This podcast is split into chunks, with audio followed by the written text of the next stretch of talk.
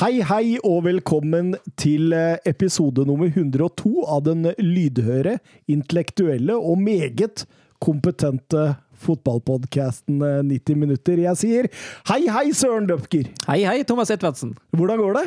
Det går greit. Ja, det er Ingenting nytt å melde, eller? Nei, Ingenting å klage på? Ingenting å klage på? ikke noe nytt, ikke noe å klage på. Det begynner å bli Jo, varmere. det Det, det, er veldig hyggelig. Jeg tok faktisk uh, første løpetur i bare, i bare T-skjorte og shorts i går, og det var skikkelig, skikkelig godt. Ah, hvor er du løp, da? Nei, Jeg løper jo gjennom en vanlig runde ved Ullevål hageby og de greiene der. For han har en vanlig runde. Ja, seks kilometer, så det er den. Hvor fort løper du seks kilometer på? Ja, 29 cirka. Det er, ganske, det er ganske bra. Det er faktisk ganske bra. Ja, jeg må ta deg på ordet på det. Jeg tror ikke jeg har løpt så langt før, faktisk. Nei, men Jeg husker når jeg følte jeg var i god form, sånn rett før eh, liksom på en måte jeg begynte Pandemien? å ødelegge meg Ja. Begynte å ødelegge meg i fotballen igjen. Så løper løp jeg alltid en mil. Jeg hadde milsrunde. Og den løper jeg på rundt 55 minutter. Men det er fin tid, det Ja, da var jeg i bra form, så det, det er derfor jeg trekker de parallellene. Eh, Mats Granvold, er du i bra form? Uh, ja. Ja. Så bra som det kan få vært, jeg. Veldig lite å klage på, faktisk. Hvor mange løpeturer tar du deg i? I uh, tiåret? Ja. Ja, det ligger på mellom én og to, kanskje. Ja, Omtrent som når du var aktiv spiller, altså. Ja. Jeg var ikke, jeg var ikke noe Øyvind Leonardsen, det er helt riktig, Thomas. Jeg var ikke Du fløy ikke ned Olympiatoppen for å teste O2, du? Nei, jeg har vært ganske, det er lenge siden jeg har vært i nærheten av å være på Olympiatoppen, faktisk. Jeg tror jeg har vært der én gang. Ja, ja. Testa du deg da, eller? Nei, det var mer sånn omvisning-type for å gå på skole eller et eller annet. Jeg husker ikke, det er mange år siden. Jeg har vært på noen tester på Olympiatoppen. Det er eh, meget kompetente folk som eh, styrer der. Drug tests, eller? Nei, det var eh, O2 og sprint. Å ja. Eh, Men da ble du jo ikke fort ferdig hvis det var sprint, mener jeg. Jeg tror det var, eh, hva var det, 20 meter eller noe sånt, nå, tror jeg var. Et eller annet sånt. Og så var det O2-opptaket. Og, og det som var litt kult med det, vet du, var at eh, vi var jo, kom jo der som en gjeng annendivisjonsspillere, ikke sant? Og så eh, Og annendivisjon på den tida, det var jo fire avdelinger. Ja, ja, ikke sant. Eller enda mer òg, kanskje. Og så, og så får vi testene tilbake. Og så viser det seg at han ene, han knuser jo Altså, han er jo på langrennslandslagsnivå. Og så sier jo han godeste professoren da i denne utholdenhet-greiene Han sier jo liksom at eh, Men dere kunne jo sagt at ikke alle var fotballspillere, at dere har tatt med dere noen Noen andre. Nei, nei, nei. nei. Så han, eh, han stopperen på laget vårt, han eh, hadde en O2 på 82 eller noe sånt. Og det er, det, det er ganske vilt, altså. Sier meg ingenting, faktisk. Nei, la, la oss si vanlig mosjonistnivå skal du ligge på er det rundt 55, tror jeg. Og, og Bjørn Dæhlie er han som har testa høyest, tror jeg, i verden gjennom tidene. I hvert fall til, til et visst tidspunkt. Og han hadde vel 98 eller noe sånt nå. Øyvind Leonardsen hadde 77 eller 78. Så han var over Øyvind Leonardsen og spilte i annen Ja. Ligger nok på par og 20, jeg tror jeg. Det er omtrent død, Mats. Det er sånn jeg føler når jeg begynner å løpe. Eh, men eh, nei Det er jo ikke nødvendig å, å, å småchatte mer enn det vi gjør. Eh, Vi kan jo gå rett til de uh, grusomme spørsmåla til Søren Døpker. Det er Deilige spørsmål, da. Nei, vi får se, vi får se. Nei, nå har du innrømt på forhånd at de er grusomme. Ja, det har jeg faktisk. Vi har allerede lagt inn protest, vi, faktisk. Det blir uavgjort, dette. Dette blir, det blir et poeng til hver, dette. Vi får se, vi får se. Mats, eh, oppvarming. Eh, Du får første spørsmål. Temaet i dag, det er diverse turneringer. Diverse. Diverse Det turneringer. var ikke mer Eh, spesifikt enn det, nei. Mats, jeg vil vite hvem er regjerende cupmester i Norge på herresiden? Oi. Viking? Nei. Viking, nei. Hvilket lag er det? Nei, jeg sier Viking. Det er helt riktig, Mats. Vi vant uh, cupfinalen 2019. Det ble jo avlyst i 2020. Ja, stemmer det. Stemmer det. Thomas, hvilket lag er regjerende Champions League-mesterne på damesiden? Ålø. Ålø. Ålø. Eh, kanskje det er uh, Lyon? Lyon? Det er helt riktig, Thomas. Jeg hjalp deg med det, det skulle jeg ikke gjort. Vant finalen mot Wolfsburg. Mats, hvem er regjerende verdensmester for kvinnene? Åh, ja, var det USA som vant til slutt, da? Eller var det Tyskland? Nei, jeg må gå for The United Jo, det var jo med hun derre Monroe Nei, hva heter hun for noe? Jo, det er USA. Det er USA. Det er helt riktig. Monroe. Hva heter hun for noe? Hun der- Marilyn Monroe som spiss. Du veit vel det? Ja, hun het hun, Rapido. Ja, Rapido. Rapinoe. Ja. Rapinoe. Ja, stemmer det. Ikke Monroe. Merlin Monroe. eller- Stjernespissen Marilyn Monroe. Thomas, Ja. i 2017 blir det spilt den siste utgaven av Confederations Cup, også kalt prøve-VM. Hvem vant? Oi. Oi, oi, oi, oi. oi. Hvilket år sa du det var? 2017. Oi, Før VM i 2018. Ja, det gratulerer. Gratulerer med dagen. Uh, nei, altså, vi, vi får bare sjanse, da. Uh, Frankrike. Det var Tyskland. Ja, det var Tyskland. Selvfølgelig var det Det måtte være Måtte Tyskland eller Frankrike. Mats, hvem er regjerende mesterne i Copa America? Å, den hadde vi jo.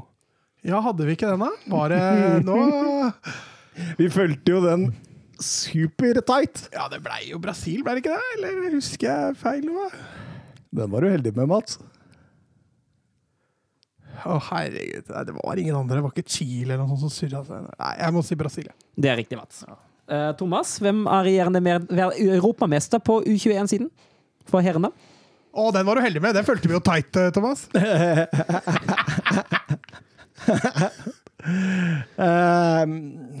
ja, hvem var det, ja? Fordi de kom jo til finalen der. Det var ikke det Ja, det er en stund siden, det. Samme år som Copa America. Ja. For vi gjorde det, det, det var samme sommeren, det der greiene der. Og da kom jo Italia veldig langt, eh, men eh, røyk dem ikke for Frank... Jeg husker ikke. Husker du? Ja. Ah, det er litt kjent. jeg, jeg får poeng her. Ja, du, du, men du gjør jo det uansett. Du har jo vunnet den. Å, ja, da har jeg. Ja, okay. jeg Skal jeg bare- hjelpe deg, da? Jeg, jeg kan jo egentlig bare slappe av. Ja, skal jeg hjelpe deg? Ja, da, det kan jeg. jeg tror det var Viva. Ja, Viva- Viva la France. Nei, Viva i Spania. Og Viva i Spania. Var det ikke Spania som vant, da? Jo, det kan det ha vært, fordi eh, Jeg husker de hadde et strålende lag da. Men var det Spania, altså? Ja, nå ble Nei, jeg, jeg- nå ble, jeg var veldig sikker i stad. Nå, ble jeg- nå ble jeg plutselig veldig Jeg usikker. svarer Spania. jeg. Det er helt riktig, Thomas. De vant finalen mot Tyskland, tror jeg. Italia og Ja, Frankrike kom seg til, 2-0. eh, 2-0. til semifinalen. Stemmer det.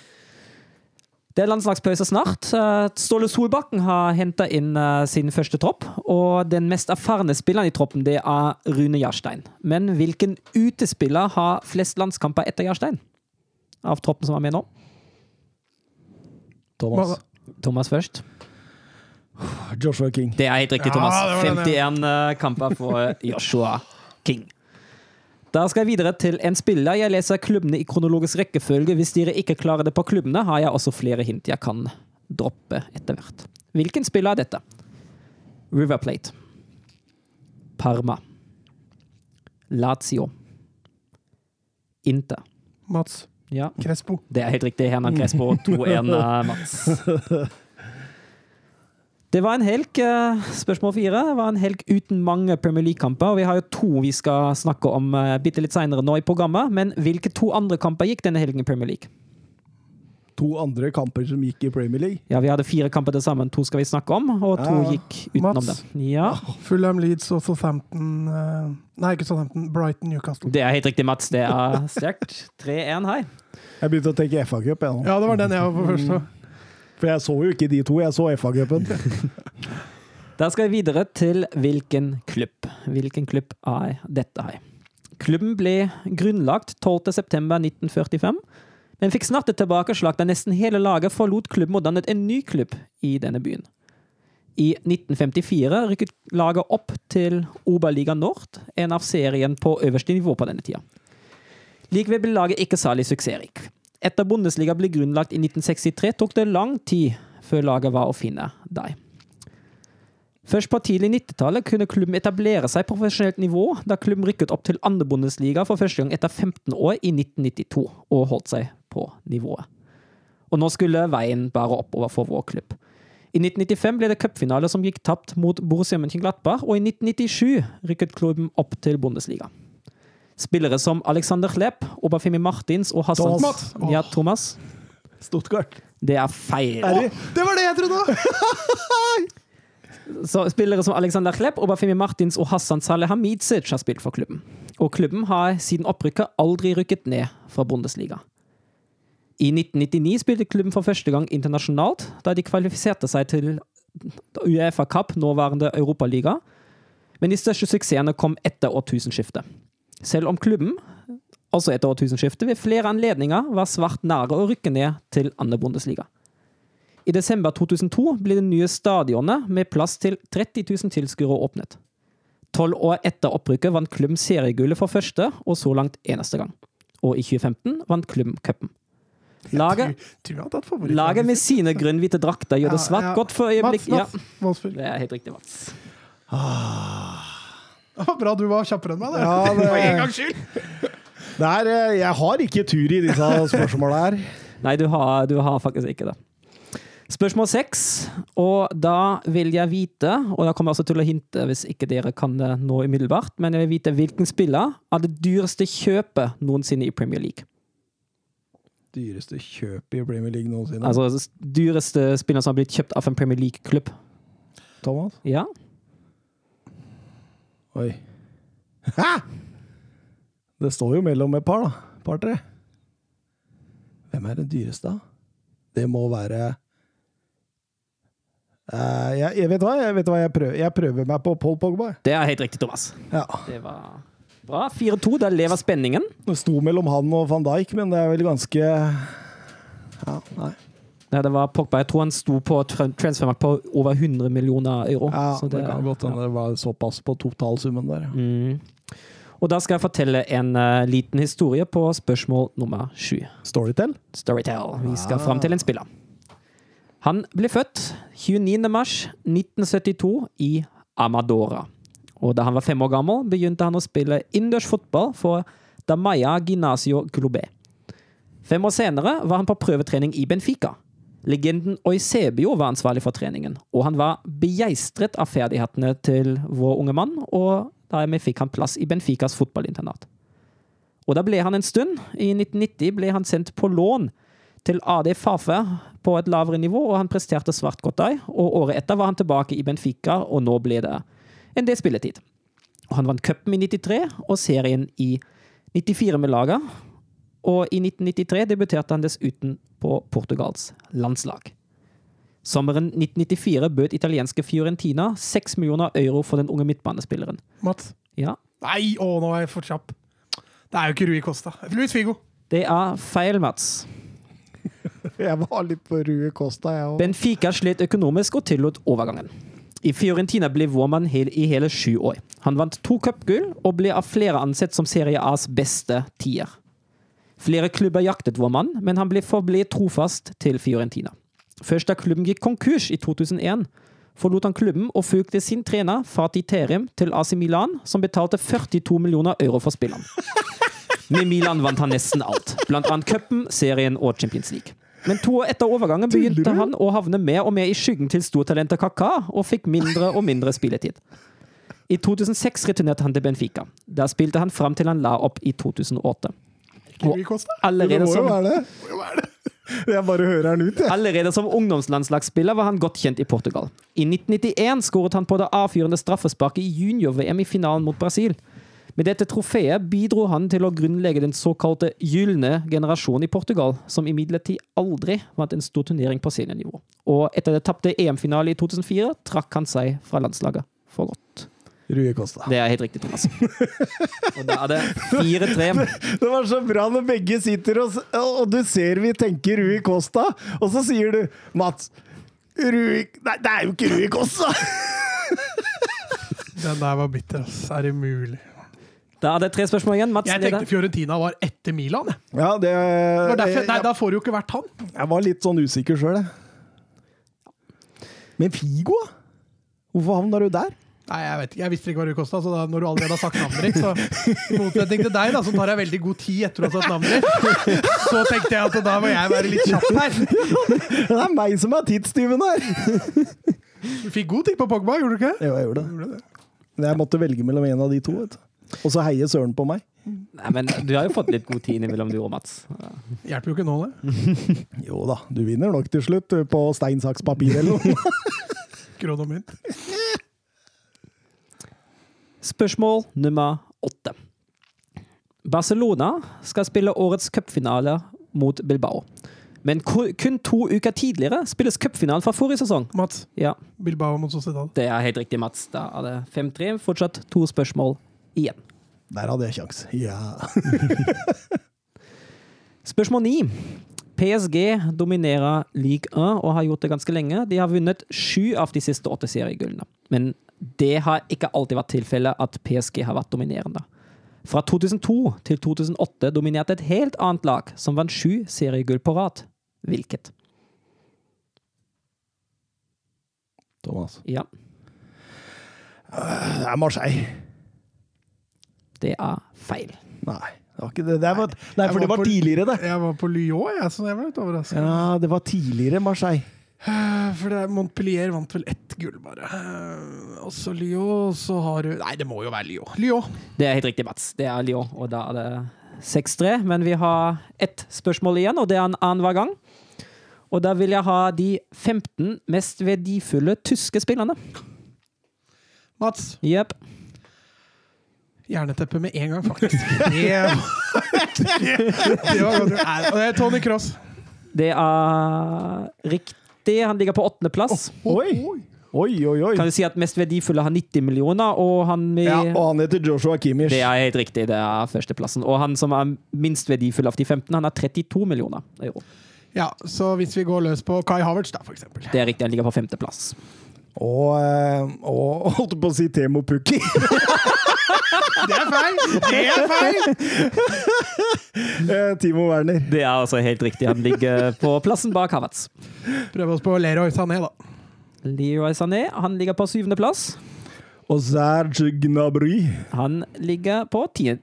Nei, på fjerdeplass. Unnskyld. Fjerde, ja. Han er så Fjerde. høyt. Ja, han er faktisk lik med Havertz. Ja, det er jo saumfare, dette Bayern-laget, da. Hva er greia?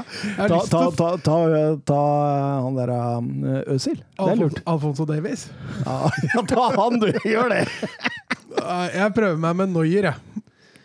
Det er feil. Når jeg er Goretzka tenkte jeg på. Han eller Goretzka Ja. tenkte jeg på. Goretzka er på tredjeplassen. Uh, Andreplassen var faktisk Mark André Testegen. Men er ikke Bernt Leono der òg? Bernt Leno er ikke på lista. Ah, okay. De som ellers er på lista som dere ikke har nevnt, det er Florian Wirtz, Ilkay Gundogan, Florian Neuhaus, Niklas Syle, Thomas Mulla, Mathias Ginter og Lukas Ja, Niklas Syle er der, ja, men ikke Neuer. Gratulerer. Ja, men Neuer er så gammel, vet du. Hjelper ikke det? Jo, i forhold til verdi, så, så gjør det det. Jeg hadde betalt mer for å få Neuer tilbake enn Syle, i hvert fall. Men Mats, da vinner du premium. En uh, gomp. Hjertelig, hjertelig. Gratulerer, Gratulerer. gratulerer. Takk, takk. Vi kjører uh, intro. Messi. Surging forward with real menace here. Brilliant from Messi.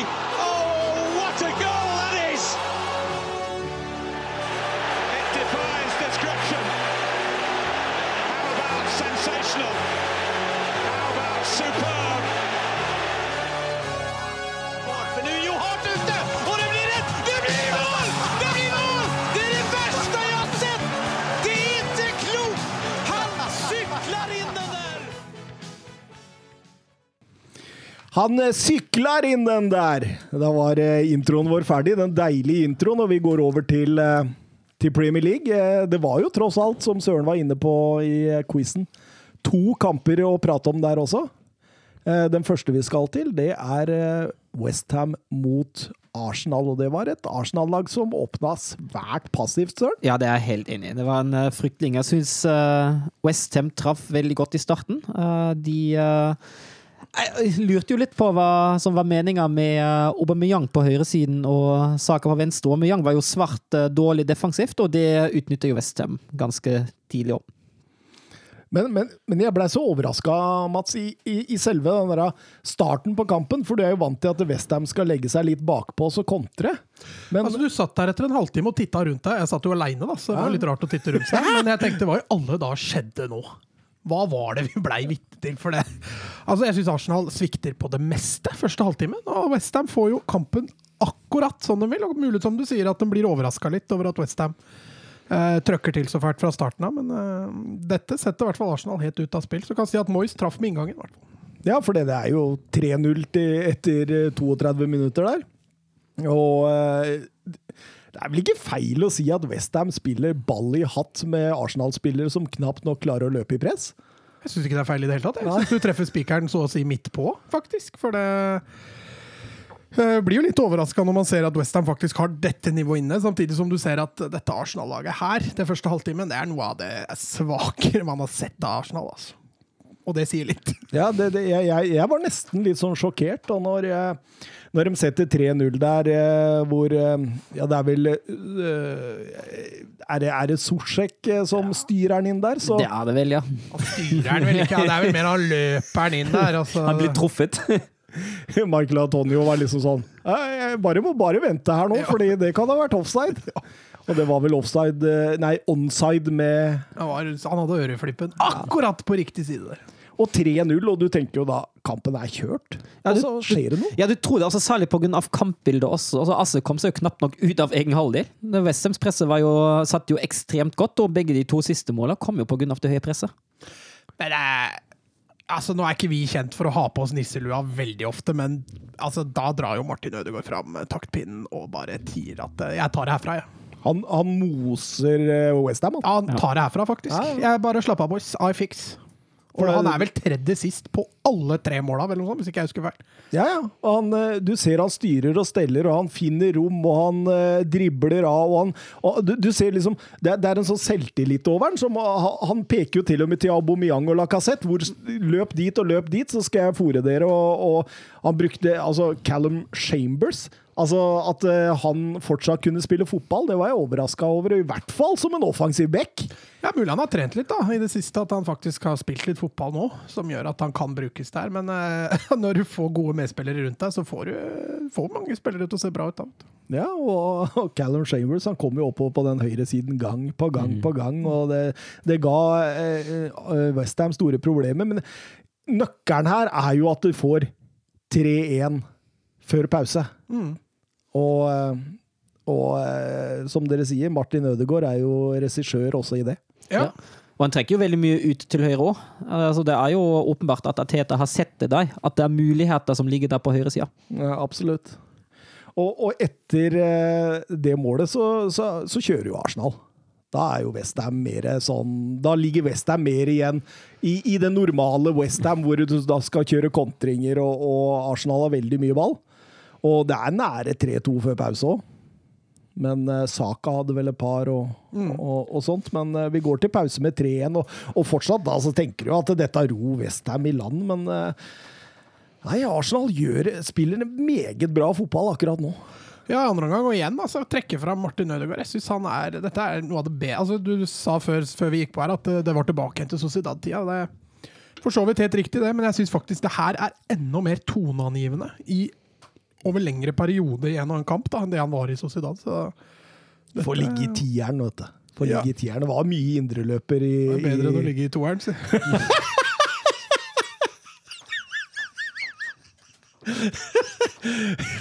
nå, nå driver Mats og, og skaffer oss en sånn E. Nå Ja, blir vi ikke barnevennlig podkast. Det var et eller annet sånt vi prata om tidligere. Det var derfor jeg, var derfor jeg sa det. Men han, han ligger jo i tieren, ikke sant? Og det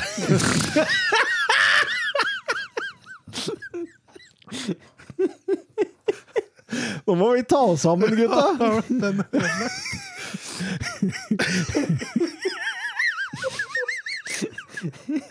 Å, sorry. Åh, det er så barnslig òg. Ja, det er skikkelig barnslig, faktisk. Og, og han strør, og han koser seg. Men, men, men de får jo hjelp av et par skjærmål der, da. Ja, de gjør jo det. Altså, Bowen har jo en kjempefin avslutning forbi, forbi egen keeper. Og Socek blir vel også regnet som skjellmål til slutt. Den uh, mister, mister deflection. Ja, absolutt. Absolutt. Og, uh, altså, Dawson har vel to skjærmål på rad Dawson var det ikke Bowen, herregud. Jeg sa Bowen, ja. ja det var Dawson, han var toneangivende offensiv, men jeg lot det passere, Ja. Men Trekk i lønn, men jeg lot det passere. Helt greit. Nå skylder du podkasten penger, nå. også. Vips etter sending, ja. U uflaks, det, søren. men, eh, men Dawson skårte jo skjærmål også mot Manchester United, Nei, så ja. han eh, har to på rad nå. Og sist det skjedde, var Conor Cody som gjorde det i 2019, så det er ikke hver dag dette skjer, Mats. Nei, det blir jo da annethvert år, da. Ja, men det, For oss med mattekunnskapene i behold, så er det kjapt å regne ut. eh, Thomas. Eh, men, men den 3-2-skåringa den gjør jo det at Arsenal har jo um, fått litt kontroll på det igjen og, og begynner å kjøre mot 3-3. Men, men samtidig, uh, Westham er jo ikke uefne på overgangene sine. Nei, det kunne jo fort blitt, uh, blitt avfyrende på den veien òg. Jeg syns jo det er noen farlige situasjoner som de, eh, som de får, og de får jo noen muligheter òg. Antonio hedder jo i stolpen fra 47 cm. Ja, ja, den, den, og den bør han jo sette. Ja, det, Det det er Maguire Light, faktisk, i den der. der. Den er litt sånn. Men um, Westham begynner å bli litt sånn utover kampen, litt mer feige, gjør litt defensive bytter. Noble kommer inn, Fredericks kommer inn, og du skjønner det at det her skal man safe, og det Da ble jo Arsenal opp med et nydelig angrep. Som ender opp på hodet til Lacassette. Første målet Arsenal skårer i kampen. Sånn Ja, en sånn Arsenal-spiller. Sånn Ja. Eh, Lacassette dukker opp på bakerste. Flott innlegg og, og klinisk avslutning der, så um, Var vel kanskje kampens angrep, sånn sett. Og da blir det 3-3, og dette her var tredje gang i sesongen eh, man klarer å snu 3-0 til 3-3 i Premier League. Det skjedde i VBA mot Chelsea, og det skjedde i Spurs Westham. Eh, det er kun 10-11-sesongen som har hatt like mange 3 pluss-ledelser som har eh, gått til uavgjort. Så det tyder jo på en litt annerledes sesong òg. At eh, det, det, det blir noen kollapser her. Ja, at det skjer med Westham er vel også litt overraskende. da. Eh, Såpass solide defensivt som de har vært store deler av sesongen, når du får en tremålssesong. Samtidig så har Arsenal det genet da, i forhold til å spille ut motstanderen. Sånn at eh, Ja, det var som jeg tenkte når du, som du tenkte, at på 3-0 at dette var kjørt. Så litt overraskende var at Arsenal kom tilbake der. Hvem tror du er mest fornøyd i dette kampen? Moyes eller Teta? Her tror jeg begge er misfornøyd, faktisk. Søren nikker Ja, istemmende. Altså når du drar bort og skal spille borte mot Westham, du skårer tre mål, og så vinner du ikke kampen. Mm. Ja, og så skal du være liksom et topp seks-lag. Det må være nedtur. Og for Westham sin del, du leder 3-0 hjemme mot Arsenal, og så greier du ikke å drepe kampen. Nei, det... Men Ødegaard eh, Nå er Altså, for en prestasjon. Og det, altså, hvis han viser dette fram opp mot, mot landskampene nå, da blir det gøy å være norsk i Ja, det- påska her. Det blir i hvert fall veldig gøy. Spørsmålet er hvor Solbakken bruker den. Mm. Blir han en sånn høyrekant, sånn som Lagerbäck brukte den, så kommer han jo til å bli mer anonym. Mm. Men får han den frie rollen mellom midtbane og angrepsleddet? Kan ikke si ligge i tieren, vet du, for det går ikke. Så det blir mellom angrep og spiss. Ja. Nei, mellom mellom, angrep og midtbanen, så kan han bli den dominerende spilleren vi trenger. Så deilig å se hvordan han liksom Han tok eh, risiko i pasningsspillet sitt. Han eh, delegerte, han eh, Tør å utfordre. Ja, Ja, og han finner de riktige rommene òg. Han veit akkurat hvor han skal løpe. Altså, Selv da Western begynte å tette det mellomrommet med sine to defensive spillere, Ødegaard fant en vei rundt. Deilig, deilig. På Twitter spør Oskar Caioerio Holmås eh, hva har skjedd med Lingard? For Lingard også hadde jo en strålende kamp. Ja, ikke bare denne. Han har stort sett vært strålende etter at han dro. Han. Og det skuddet han har her i denne kampen og i krysset der, det Ja, er ja, å, lekent. Det er innafor, det.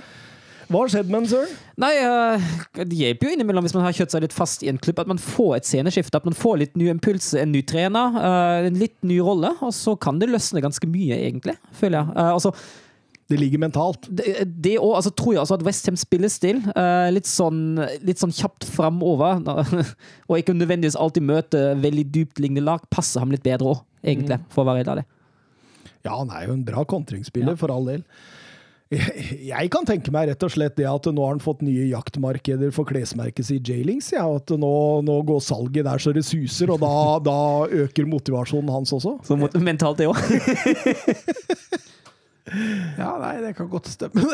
Jeg tviler ikke at J-Links har en eh, bidrag til det. Men det, nei, jeg tror også det sceneskiftet har vært veldig sunt for han. Nå sa vel Solskjær for en ukes tid siden at han fortsatt var i planene til United. Ja, for han Skjønner ikke hvor mange offensive spillere skal Skal han kjøpe Sancho, og så skal han ha Lingard og James nekter han jo selv. Og Bruno Fernandes må vel spille litt, og Rashford har han der. Og nei, jeg skjønner ikke hvordan han skal få men, men, men hvis noen skal ha Lingard fra United etter det han viser i Westham nå, så blir han en dyr mann. Litt for dyr mann, kanskje, for de aller fleste som kunne vært Jeg tenker jo interessert. Leicester, da. Kunne Ja. vært en bra destinasjon for han. Eh, Å få shippa Albrighton ut der for good og bare kjøre han eh, opp og ned høyresida der.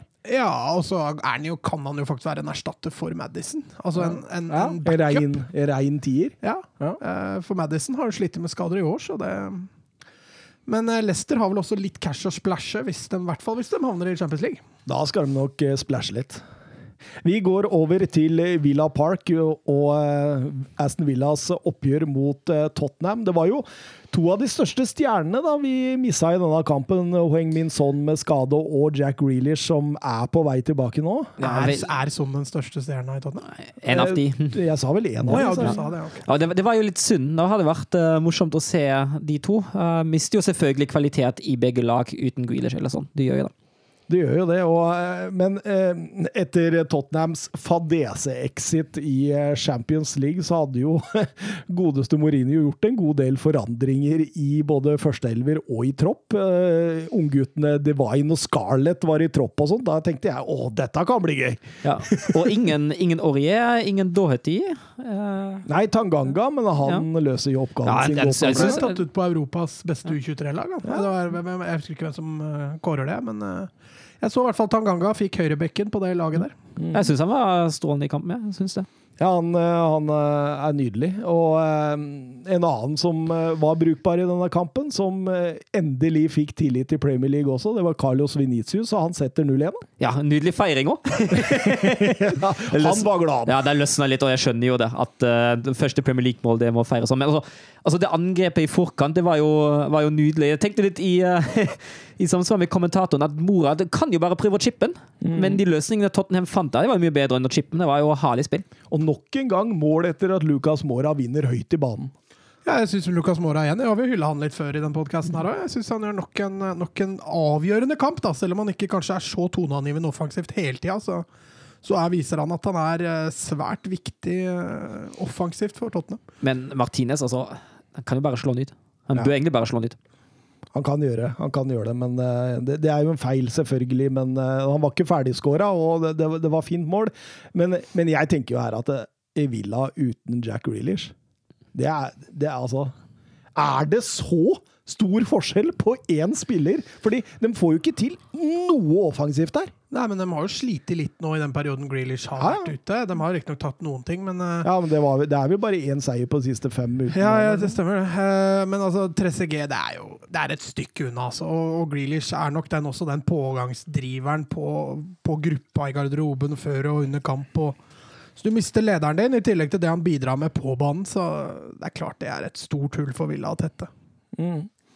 Og det, når du går ut i annen omgang der, så er det jo egentlig Tottenham som har det lille av muligheter. Kane styrker stolpen der eh, tidlig i omgangen. og og eh, Det er jo kanskje idet Villa begynner å komme inn i kampen, at Tottenham får straffesparket. Altså Villa begynner å spise seg litt inn, og så kommer 0-2. Ja, Cash feilberegner fullstendig der, altså.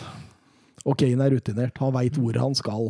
Ja, men egentlig, hvis Cash bare står på beina, så går jo den ut til femmeter. Mm. For Kane lar jo bare den ballen gå, Ja. så kan du godt kalle at det, det er smart. Eh, Men Cash går ned der og, og ja, det er eh, urutinert. Jeg kan godt si det sånn. Kane rutinert, Cash urutinert. Og Kane setter banker inn eh, straffesparket fra um, 11-meteren. Ja, var det var- var det 11 meter? Eh, Kane har vært involvert i 30 Premier League-mål denne sesongen. Han har 17 eh, mål og 13 assist, og det er kun Lewandowski i topp fem-ligaene som eh, har flere. Han har til gjengjeld 41 målpoeng. Det er sykehuset, det. 35 mål og 6 assist, vil det ikke bli det? På Ja. Lewandowski. Det er Er det bare fem mål igjen nå til Müller? Ja, Rekorden? han har, det har Ja, ja. åtte kamper igjen og fem mål. Det kommer til å falle. Det kommer ikke til å, til å gå. Nå, nå ligger det jo tre Müller-rekorder og venter på Lewandowski, ikke sant? Fordi han har jo en på 36, en på 38 og en på 40, har han ikke Ja, det? jeg tror det. Ja. Så de, de kommer til å gå på rekke og rad nå, vet du. Nice, ass. Og, og, hvis Lewandowski fortsetter sånn som han driver på nå, så kan vi begynne å snakke om godt over 40, tror jeg. Ja, vi, vi, altså, han er jo godt over ett mål per kamp. Og, Har ikke Messi rekorden i Europa på 50 mål i løpet av en sesong? Ja, det tror jeg, det, Eller bare 51. Ja, litt usikker. Ja. Nei, han skåra akkurat, akkurat 50. Ja, okay. Og det tror jeg ikke han klarer med Det var vel bare serien, da? ja, Messi hadde 50 serier. Har, de, har igjen, så? Nei. Der forsvant han seg jo godt nok. Skåret 2-3.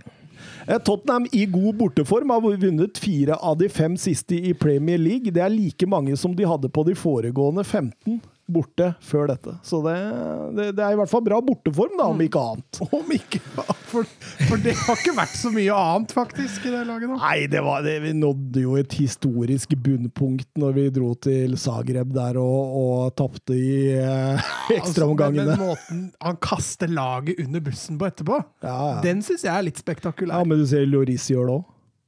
Jo, jo, for så vidt greit at en spiller står og klager om laget, sånn sett, men at Mourinho står og forteller pressen etterpå at det, det laget har ikke ryggrad, liksom. Men har ikke Mourinho en, eh, en record med å gjøre det? da? Jo, men begynner jo egentlig først på tredjeåret. Husker du ikke, husker du ikke Luke Shaw fikk Jo, men her tar han jo hele laget. Altså, Kane var på banen, Loris var på banen. Altså, han har jo stjernene sine på banen i den kampen. Han sparer riktignok kanskje noen, men eh, han kaster dem alle under Ja. bussen.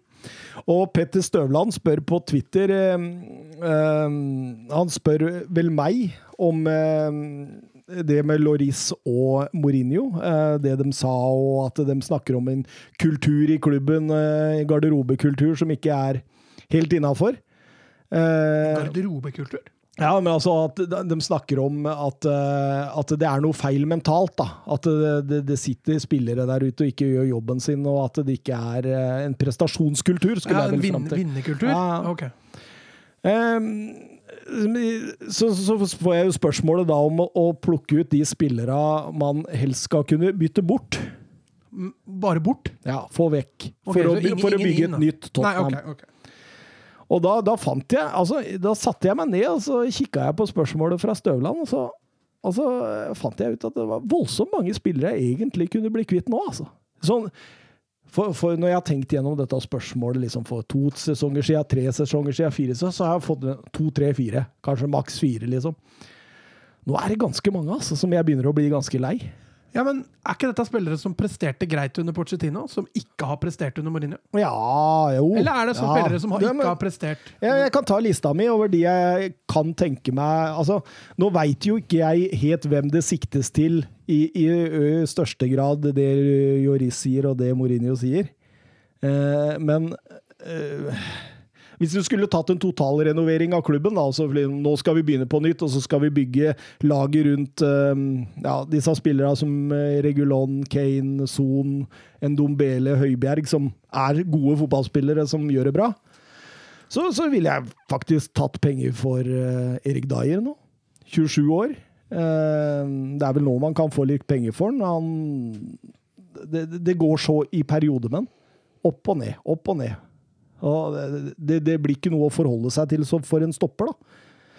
Eh, Toby Alderweireld, han er 32 år. Han eh, har vært der i seks år nå, og jeg tror nesten han er litt ferdig. Eh, Han var du litt glad i for noen stund siden. ja, men eh, jeg, jeg tenker jo på i forhold til å bygge nytt lag nå. altså For all del, du kan godt beholde den et år til, liksom. Det er ikke det jeg snakker om. Men hvis du skal totalrenovere, da. Ja. Danny Rose, han, kontrakten hans går jo ut. Han har jo ikke så å si Er han i Tottenham? Ja, han er Tottenham Er du sikker på det? Ja. Kontrakta går ut denne, denne sommeren. Han har ikke Eh. jeg sett, det, tror jeg på Nei, men han, han, har, han var jo på et utlån i Newcastle. Ja. Men etter det så har det vært stilt. Ja. Matt Dorothy kunne jeg godt uh...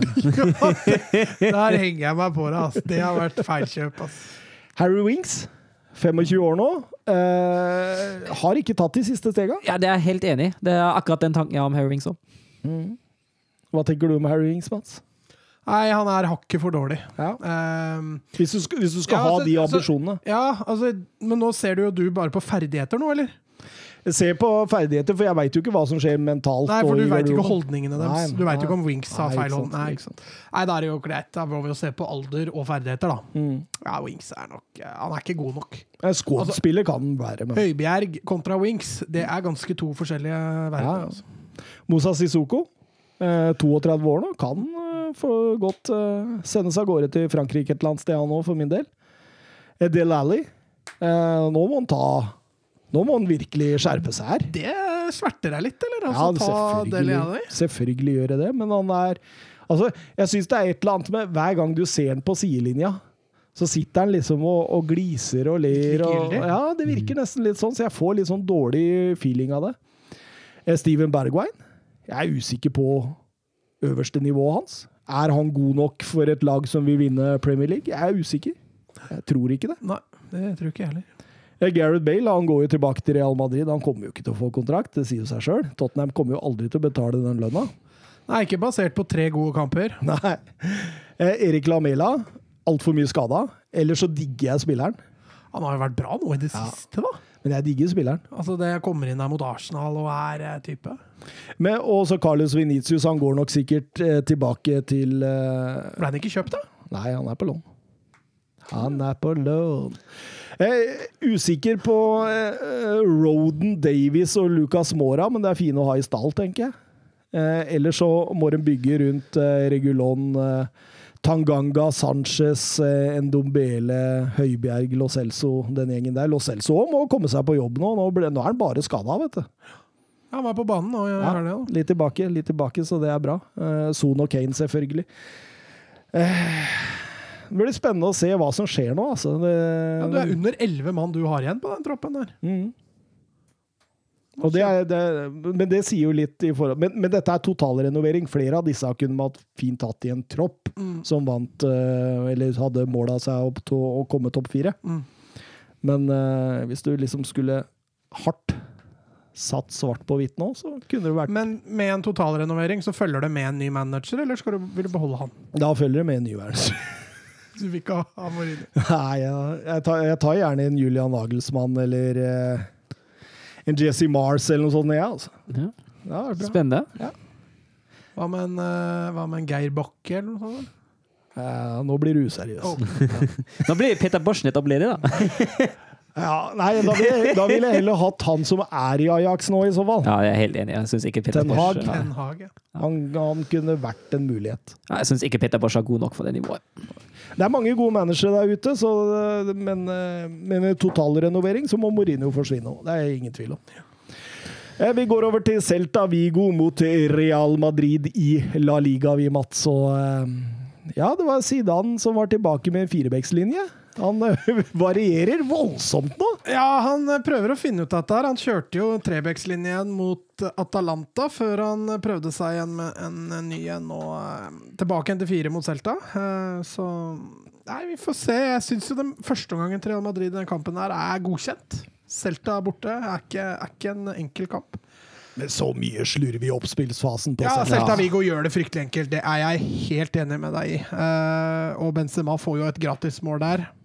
Hvor Modric gjør en enorm bra pressejobb der. Eller enorm bra, han blir jo invitert til å gjøre det bra. Så du kan jo si det sånn. Men, men jeg syns også helhetsbildet fra Real Madrid i den første gangen er bra. Altså Det er en godkjent uh, førsteomgang borte mot Celta Vigo. Det er verre med den andre omgangen. Ja, for det, det er jeg helt enig i. For det, altså, Benzema han setter jo 0-1 og 0-2, og begge er jo svake eh, forsvarsinvolveringer i Celta Vigo-forsvaret. Ja, fryktelig Kroos får jo får to assister, da. hyggelig for ham, men eh, får det lett òg, som Mats sier. Og så skårer Santimina på én av to sjanser helt mot slutten av første omgang. Ja, litt, litt ut av det blå, syns jeg. Ja, fin uh, skåring. Skippes inn der, og han er eh, rager høyest og, og header inn. Jeg, jeg, jeg syns allerede sånn i, I den første muligheten de hadde eh, etter innlegg Jeg syns Real hadde noen tendenser til litt svakt forsvarsspill i egen boks.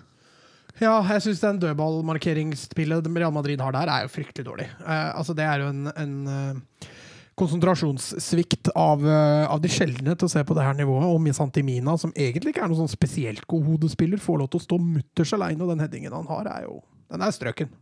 Courtois med alle sine tre meter klarer ikke å nå bort engang, så da, da er det godt satt. Men, eh, men etter pause så ser man jo et visst eh, Celta Vigo-initiativ. Ja. Eh, og Aspas, som ikke har skåret siden 30. desember, han er ganske nær der når han tester Courtois. Og Courtois eh, på en måte holder dem litt eh, Celta Vigo litt på avstand. Ja, altså Celta Vigo også bommer litt for ofte på den siste pasningen, eh, som gjør at de ikke kommer fri. og det der, der Real Madrid er litt heldig, jeg. Jeg syns aggressiviteten til Real Madrid faller veldig. Presshøyden deres de senker seg åpenbart lite grann, kanskje for å frigjøre for kontringer, men det som ender opp med, er at Celta får et mye større initiativ i kampen. og det Møter et litt bedre lag der, sånn, så tror jeg Real Madrid blir straffa mye hardere. Det tror jeg òg. Og Aspas har jo en i stolpen der åtte minutter før slutt. Ja. Via Casimiro der. Og det, det, det, så nære er de å gå på en skikkelig smell. Altså. Ja, ja. Hadde de igjen blitt henta opp igjen der, så hadde det jo vært Ja, og- katastrofe, egentlig. Og, og samtidig syns jeg de sløser bort de kontringsmuligheter de har. Særlig Venicius er jo uh, Herregud. Jeg kan jo bli litt uh, irritert som man ikke heier på Real Madrid. Ja, det skjønner jeg. Hadde jeg heid på Real Madrid, hadde jeg i hvert fall blitt irritert. Men altså, greia er jo det at han Det skjer noe rundt han, i hvert fall. da. Ja. Eh, en Isco eller noen andre de har brukt der, altså, der skjer det så fryktelig lite. Vinicius kan jo fint drible av tre mann da, før han setter ballen enten midt på keeperen eller bommer på ballen, eller et eller annet. Så skjer det i hvert fall noe rundt der, og det Spiller han bak Benzema om. Ja. det gjør han òg. Han, eh, men de kontrer inn treet, da. Ja. Asensio der. Benzema som gjør jobben. Tror du Asensio er en del av Real Madrid neste år? Ja, det tror jeg. Det har litt med at eh, jeg tror ikke Real Madrid er så fulle av cash som vi kanskje skal ha det til. Kanskje de selger litt, da. vet du. Ja, det kan det kan fort hende de gjør. Men de sitter jo også med Ja, Ødegaard, kanskje. Da ble det 1-3 til Real Madrid. Eh, 11 av Real Madrids siste 19 i alle turneringer, altså da snakker jeg om mål, eh, er assistert av enten Kroos eller Modric. Det er ganske heftig. Altså 11 av de siste måla, 19 måla. Det har vi vært innom før. Altså Real Madrid offensivt trenger Cross, Modric og Benzema. Det- Jeg, så på Real Madrids toppskårerliste her i dag òg. Altså, Benzema 17, og neste er 5. Og det er vel Ramos. Det er helt meningsløst. Eh, Benzema har skåret seks på rad i alle turneringer. Eh, Det er den beste streaken til Benzema for Real Madrid noensinne, selv om han gjorde det samme også i 2006. Så han kan sette rekord neste, i neste kamp. Ja, men Benzema har vært i fyr og flamme òg, så jeg ser faktisk det så, så gode muligheter for at han tar den rekorden. Enmannsangrep, eller? Ja, Får han de rette ballene å, å jobbe med, så er han det. Eh, han gir ballen til Benzema i og rundt 16-meteren, så blir det farlig. Og Real Madrid har ikke tapt borte på ti kamper i La Liga. Sist eh, de hadde en slik streak, var i mai 2016. Så det er ganske heftig. Vi har noen spørsmål, vi, fra Jørn Henland på eh, Twitter. Og vi kan begynne med det første først. Eh, er Venitius den spilleren som minner mest om Robinho? God og dårlig om hverandre i løpet av en kamp, med fantastisk teknikk og briljanse, men nærmest null sluttprodukt. Jeg syns han er veldig inne på noe da, altså. Jeg synes det, altså han, Vinicius han er, jo, altså, han er jo for så vidt fin å se på hvis du skal nyte fotballestetikk. Uh, fordi teknikken er jo der, driblingene er jo der, som Mats har vært inne på. Men eh, som Mats også har nevnt, hvis jeg hadde vært Real Madrid-supporter og hadde hatt ham å se på, og jeg hadde blitt så frustrert. Og jeg blir, altså jeg blir jo frustrert som nøytral supporter, med tanke på de valgene jeg tar, med tanke på hva som kommer ut av alt det som er veldig fint å se på, men ikke blir noe av. Eh, det er altså, det måles jo til slutt på sluttproduktet. Det hjelper ikke å danse litt fint med ballen på midtbane eller på kanten. Jeg liker sammenligninga. Uh, veldig spot on, føler jeg. Uh, jeg syns dog uh, Robinho hadde et høyere toppnivå.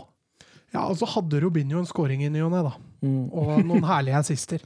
Altså, altså Vinicius det har blitt kanskje 0,2% bedre siste året, men jeg, jeg så i hvert fall Det så mer ut som at dette blir en verdensklassespiss, eller spiller, på Robinho, enn det det gjør på Vinicius. Litt mer verdensklasse det mat, ja. så litt sånn ut. Så.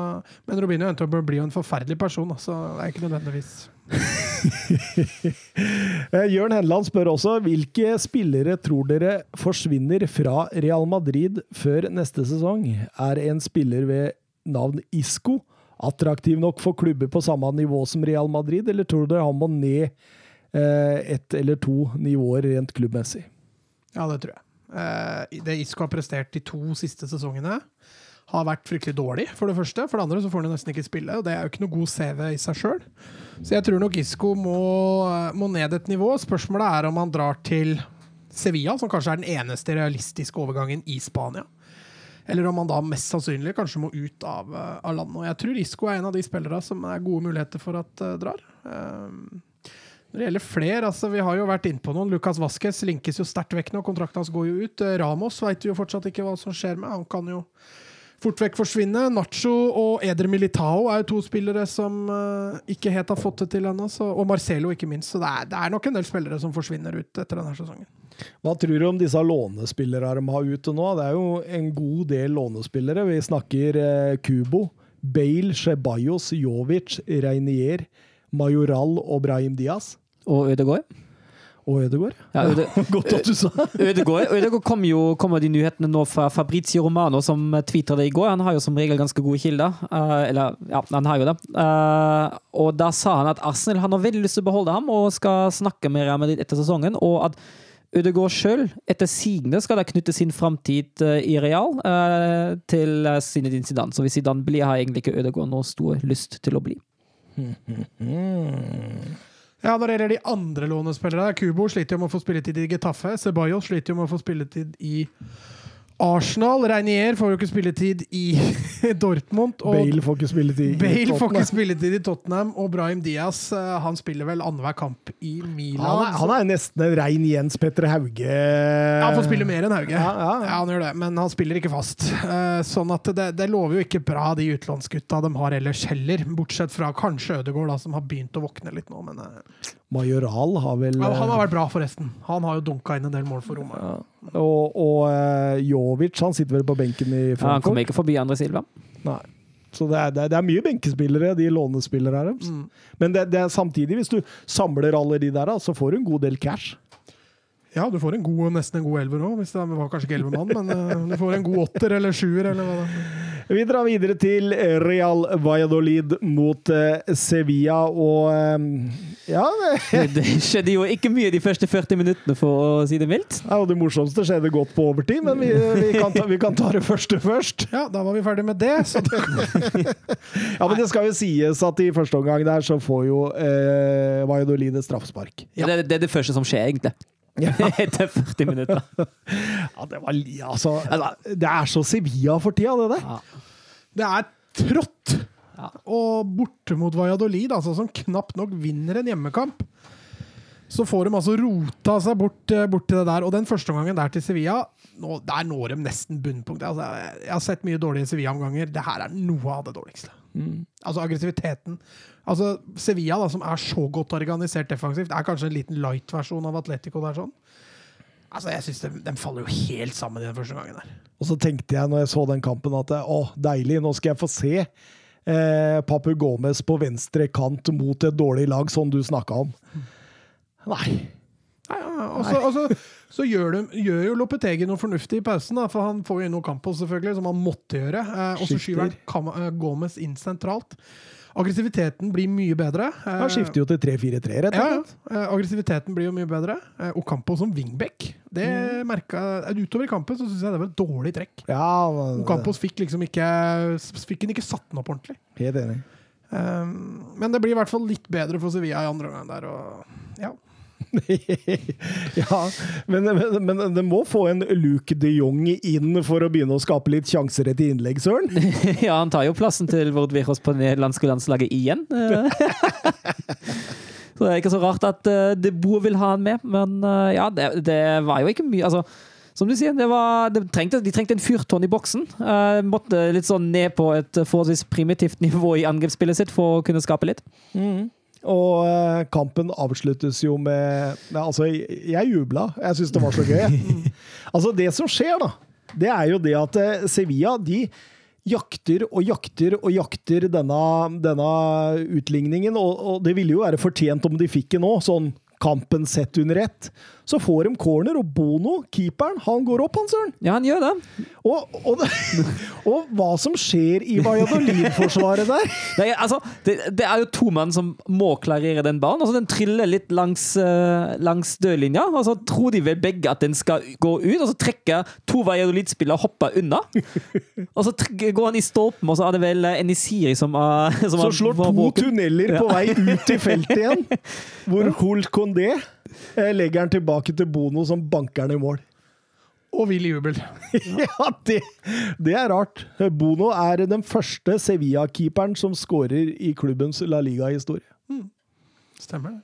Er, og, og, men er ikke dette andre keeperskåringa i La Liga i år? Ja, Dmitrovic har skåra på straffe mot Atletico. Etter ti minutter, faktisk. Ikke like sensasjonelt, men samtidig gøy. To, eh, to eh, Han ene kommentatoren der på, jeg, satt og så, jeg husker ikke om det var Sevilla eller om det var Eibar Bilbao jeg så, men uh, han sa i hvert fall det at det var liksom en litt sånn uskreven uh, greie at Dmitrovic blir Sevilla-spiller.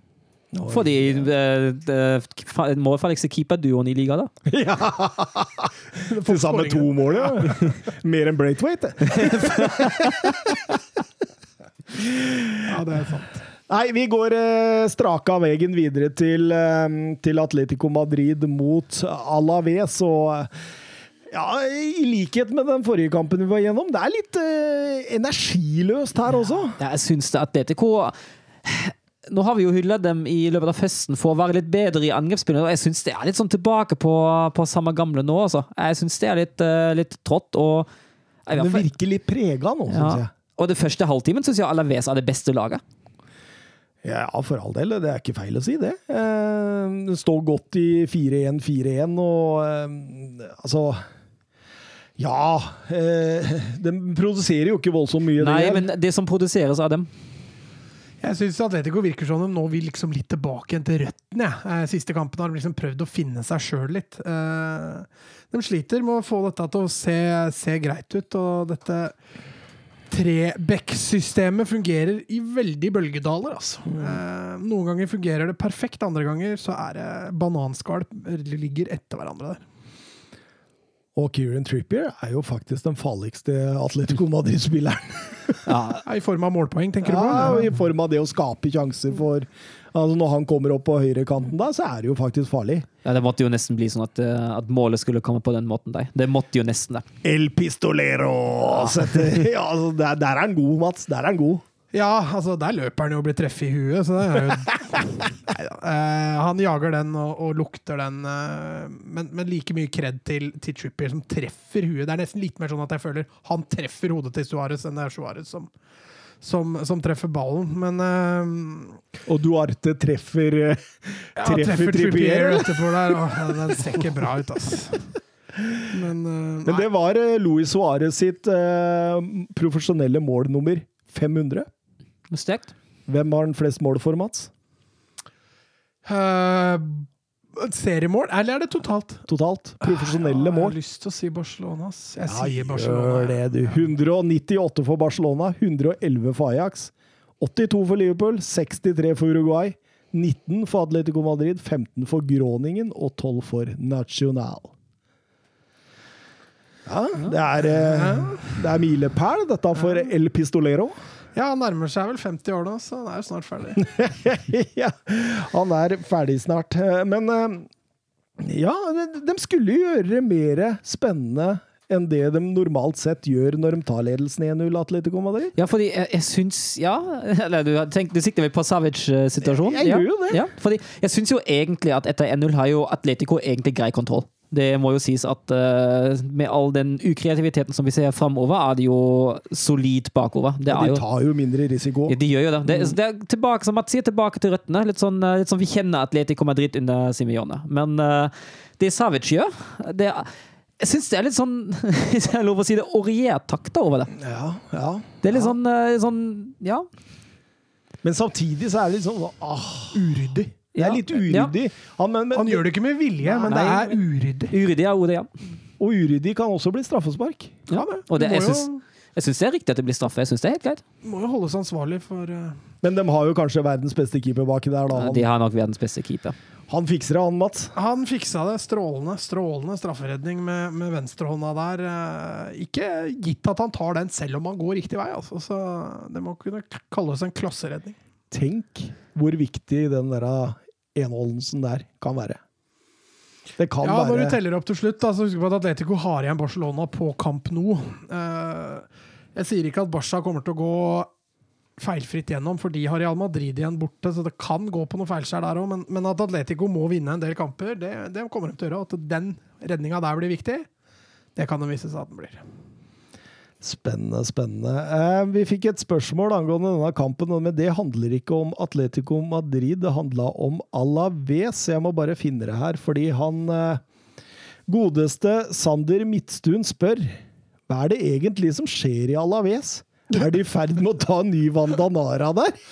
Jeg leste noen rykter om det der. Jeg veit ikke om det stemmer engang. Jeg bare så det hørtes litt spinnvilt ut. At, uh... Men, men, men aller først, da, så så, så, så har du hørt det, eller Søren? Nei, faktisk Nei, ikke. det, er- det er ganske artig, skjønner du. Altså, for det første, da, så må vi være Altså, Jeg veit ikke hvor forsiktig vi må være, men Nei, for Alaves har gått ut at de anmelder alle som sprer falske rykter. ja. Det går til søksmål mot alle som snakker om Ja. dette her. Jeg tror, ikke, jeg tror ikke det er noen i som kan forstå oss. Men, men, men så satt jeg og tenkte på eh, Hvor var Lucas Perez plutselig i den troppen der?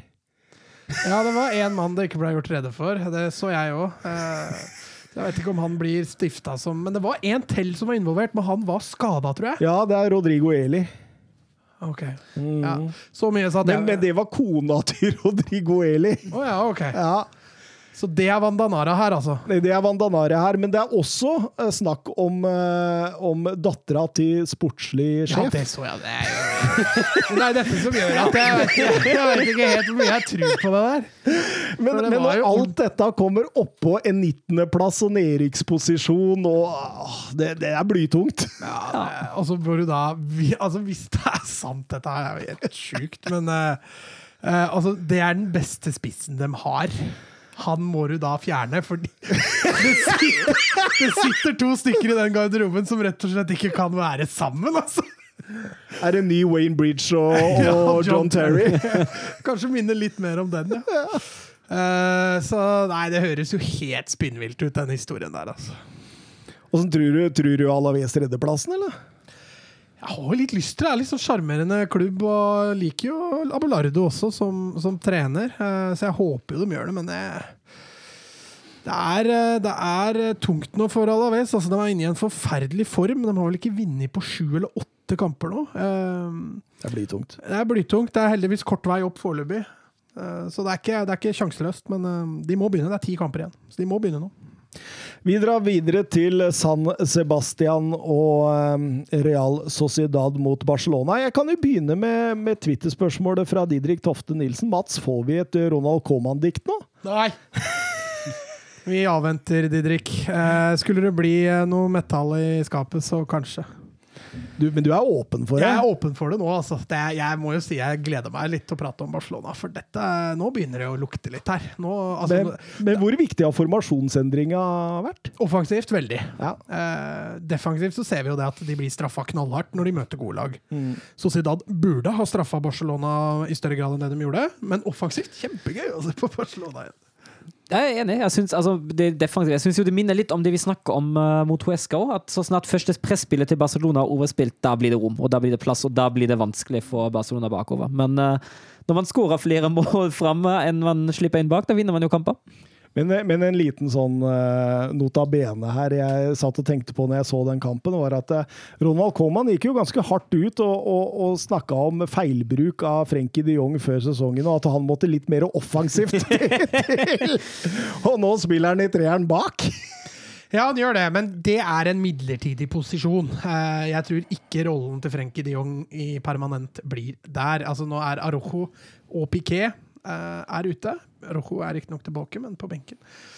Og så kanskje en Erik Garcia på vei inn fra, fra City, så er Frenkie de Jong frigjort til å gå høyere i banen. For, eh, men da får han jo den eh, problemet igjen med formasjonen, da. For han har jo bare plass til to sentrale midtbanespillere i den formasjonen. Og skal han vrake gullgutten sin Pedri, eller skal han vrake godgutten Busquets? Og da blir jo ikke For, for Busquets har fått en liten opptur nå. Busquets har også vært fantastisk. Mm. Eh, Sammen med Alba. Alba har vært strålende på den vingbekken. han har vært nydelig. Eh, så nei, desto. Plutselig har han begynt å se ut som en fotballspiller. Så det er, det er lyse tider nå. Dembélé har jo vært skadefri. Jeg vet ikke, jeg husker nesten ikke når han var skada sist. Ja. Men eh, kampen starta jo ganske rolig i forhold til hva man fikk den siste timen, da, i hvert fall. Ja, det gjorde de. Altså, den første, første ekte målsjansen din havner jo faktisk uh, hos en Sociedad som sto for etter 25 minutter. Så det, Isak? Ja, Ja. det var den første som kom. Uh, men etter det, da var det jo, da var det jo fryktelig gøy. Men jeg syns jo, jo Barcelona er det beste laget fra start. Uh, Utvilsomt, faktisk, syns jeg det. Uh, aggressiviteten var der. De eier possession. Det skal sies at de var utsatt for noen farlige kontringsforsøk der, som Sociedad kanskje burde ha skåret på, men bortsett fra det så syns jeg Barca har grei kontroll. Og når Griezmann først får det målet der, så syns jeg da, da slipper de også skuldra i større grad eh, ned offensivt. Beleirer eh, Ja, de gjør det. Det er tilbake igjen litt nå til den tida hvor de beleirer. Også, men du ser den aggressiviteten, tempoet i forflytninga. Jeg syns alt dette stemmer nå mye bedre da, enn det det gjorde, har gjort de siste åra, egentlig, offensivt. Og Messi har tatt taktpinnen igjen, eller? Ja, ser, bare ser glad ut. Ja, det- Også Griezmann skåra 1-0 der. Han jubla jo hemningsløst. Det var nydelig å se på. Jeg tror også det hjelper at den, at den kommer litt dypere nå. Altså, han er jo nominell spiss, men han ligger jo ofte dypere i banen og får kampen foran seg. At han ga ham bare å spille ballen gjennom midtbanen. Det virker til å kle ham litt bedre enn å stå opp og vente på ballen. 2-0-målet før pause der også er jo voldsomt flott. Ja, Messi igjen, da, som driver oppover og slipper ballen mellom stopper og bekk til Dest, som kommer i fart. og Setter han kontrollert i hjørnet der og blir den tredje amerikaner til å skåre mål i, i La Liga. Så Tre amerikanere, ja. Tre amerikaner. Å, hvem er de andre? Ja, nei, ikke spør om det, for da setter du meg fast. Jo, selvfølgelig Mosa i eh, Valencia. Jonas Musa, ja. Ja, ja, ja. ja, ja. Og den siste A, kom igjen, da. Jeg Det er ikke sikkert det er fra nyere tid. da, vet du. Dempsey og sånn var jo ikke Jossi Altidore. Var ikke han ja, Var ikke han i Villarreal, da? Ja. Ja, var det sikkert han. Åh, vi, vi, vi, vi, vi sier det! det. Vi sier det. Eh, så går det til pause med 0-2, og, og, og da tar jo eh, Aguasil litt sånn nå, nå skal vi ut og virkelig prøve å, å gjenreise kampen litt. Grann. Nå skal vi prøve å ta litt ansvar. Han står høyere, de presser høyere, de tar mer risiko. Og det, det gikk da som det gikk. De gjorde jo det. Ja, Jordi Alba tar, eh, tar ansvar på venstresida der. Spiller blir herlig eh, kombinert gjennom. Kommer rundt, og så legger han inn eh, Dest litt heldig. Klareringa blir rett i Dest, som går i mål. Ja, så blir det jo mye bakrom. Og det ser de jo både på 4-0 og det annullerte 5-0 og ja, det Deilig skippasning Ja, fra Busquets til. Messi, som skipper igjen på Remiro på 0-4. Det er jo Men, men det her, altså Det å få inn Dembélé, da, en så god, hvis jeg kan kalle det det, da, en bakromspiss som Forsvaret må ta høyde for, for han er så kjapp. Det har gitt både Messi og Griezmann en litt annen dimensjon. Eh, Men nå det- hopper han jo etter Brautwaite, Altså. ja, eh, han gjør jo det. Eh, men, Du hadde gitt Barcelona en ny dimensjon! men grei, altså, Suárez var jo heller ikke noe god bakromspiss. Nei, jeg skjønner, skjønner. Eh, Sånn at det er en stund siden hvor eh, Altså, E2 er kanskje den siste sånn klassiske ja, David Villa, da, kanskje. Sånn klassiske bakromspissen. Da. Så det å få Dembélé inn i den rollen der, det, det gir noe, det òg. Absolutt. Og Dembélé skårer jo 0-5, og da skårte han sitt 28. mål for Barcelona. 14 med venstre, 14 med høyre. Ja. Det rettferdiggjør eh, Det rettferdiggjør ambidexter-elveren vår, det, Det gjør det veldig. Jeg skal jo skryte litt av eh, denne unggutten til eh, Real Sociedad som jeg sjelden ønsker å uttale navnet på. Baranechea. Ja. Han setter den fint opp i hjørnet der for et trøstemål. Ja. Ja, han er vel på lista di, han, faktisk, over uh, talenter vi har snakket om. Han liksom, nå har han tre sesonger bak seg i A-laget der, og det, han har ikke tatt steget opp ennå. Altså. Han er fortsatt bare 18 år. eh, Ja, er det, altså? Ja. Så han har ikke dårlig tid ennå. Men uh, det kan hende at de kjører en Brian Hill på han, og så leier han ut altså, neste Mm. sesong. For uh, med David Silva, Oyar Sabal, Portu og Janusai, så er det klart det er ikke bare å gå inn der, altså. Braithwaite kommer inn for å få seg et gult kort, og Lionel Messi gjør 1-6, Mats. Ja, via stolpen nede i korthjørnet der. Eh, avslutter en eh, strøken fotballkamp, og deilig å kunne sitte og bare nyte siste 20 minutta av den kampen der. Deilig Fantastisk. vegg mellom Ricky Pooch og Alaba. Og igjen, Alba der. altså, Det er det eneste nå jeg savner med Koman. Få i gang Pooch. Vær så snill, for en så sinnssykt deilig spiller Pooch er. Det lukter Koman-dikt her, søren. Det gjør det. Jeg gleder meg veldig. Altså, han får jo Han får jo faktisk altså Clement Langlet til å se ut som en fotballspiller innimellom. Så det, det er positivt. Men um, Nei, får han i gang Porch, da, da har han gjort det Da har han vært fantastisk, faktisk. Men, men hør her, da. Kun Manchester City er i bedre poengform enn Barcelona i topp fem-ligaene i år 2021. Kun Manchester City. Eh, Messi har flest målinvolveringer av alle i topp fem-ligaene i 2021. Han har eh, 16 mål og 7 assist. Eh, og Dest blir deres 18. målskårer denne sesongen. Ingen i topp fem har flere eh, målskår, forskjellige typer målskårere enn Barcelona. Real Sociedad gikk på sitt største hjemmetap på 21 år, siden den gang Barcelona slo dem 6-0. Stemmer. Det er fine tall, Mats. Jeg koste meg, jeg nå. Det var deilig å høre. Det var særlig fordi Sociedad borte har jo alltid vært en sånn skrekkmotstander for Barcelona i nyere tid, i hvert fall. Mm, det er helt riktig. Å bare gå dit og så smadre, det, det var helt nydelig. Mangla en Ødegård nå, vet du. Sociedad? Sånn som han herja med Vesta. Men har du noe mer å si om ditt kjære Barcelona, eller er du mett og fornøyd? Nei, litt kjipt at landskampene kom nå, for da blir det vel en down om en uke eller to. Så det var litt kjipt, men uh... Skal Messi til uh... Nei, Nei, nei, for de uh, har utsatt alt, de. Ja. det stemmer. Så det er ikke noe i Sør-Amerika i det hele tatt, så han får vel en ukes ferie, tenker jeg. Ja. Braithwaite jeg skal han på Ja, han skal være med Argentina, faktisk. Og med det så går vi videre. Vi eh, setter føttene våre i eh, Bundesliga, og vi kan begynne med et spørsmål fra Glenn Weber. Eh, han spør ta gjerne opp noen tanker rundt Shabi Alonso til Borussia München-Glabach. Ja, og da har jo utviklinga kommet en annen vei siden han stilte spørsmålet. For nå meldte Kikka i, i ettermiddag at han blir visst ikke klar likevel. Eh, det var jo Bild som var veldig tydelig på at å ja, han blir 100 klar. Kikka har vært litt mer avfett og nå meldte Kikka i dag at det blir ikke Chabi Alonso, men eh, at en ny trener for Borussia Mönchengladbach er rett rundt hjørnet. Var det en ripe i lakken til denne Christian eh, Falk, ja. Falk ja, fordi man, man tror jo at det er da de opplysningene kommer fra. Fordi Xabi Alonso har åpenbart fortsatt tette forbindelser til Bayern München. Max Eber, sportssjefen i München-Glattberg, har tette forbindelser til Olli Hønes, som er en slags mentor-ish for ham, eller i hvert fall en god rådgiver. Og da tror man at eh, det ryktet eventuelt kom fra Bayern, og i Bayern har Christian Falk fantastiske kilder, og da meldte han det som Klai. Eh, det var da ikke tilfellet. Ah, jeg, jeg blei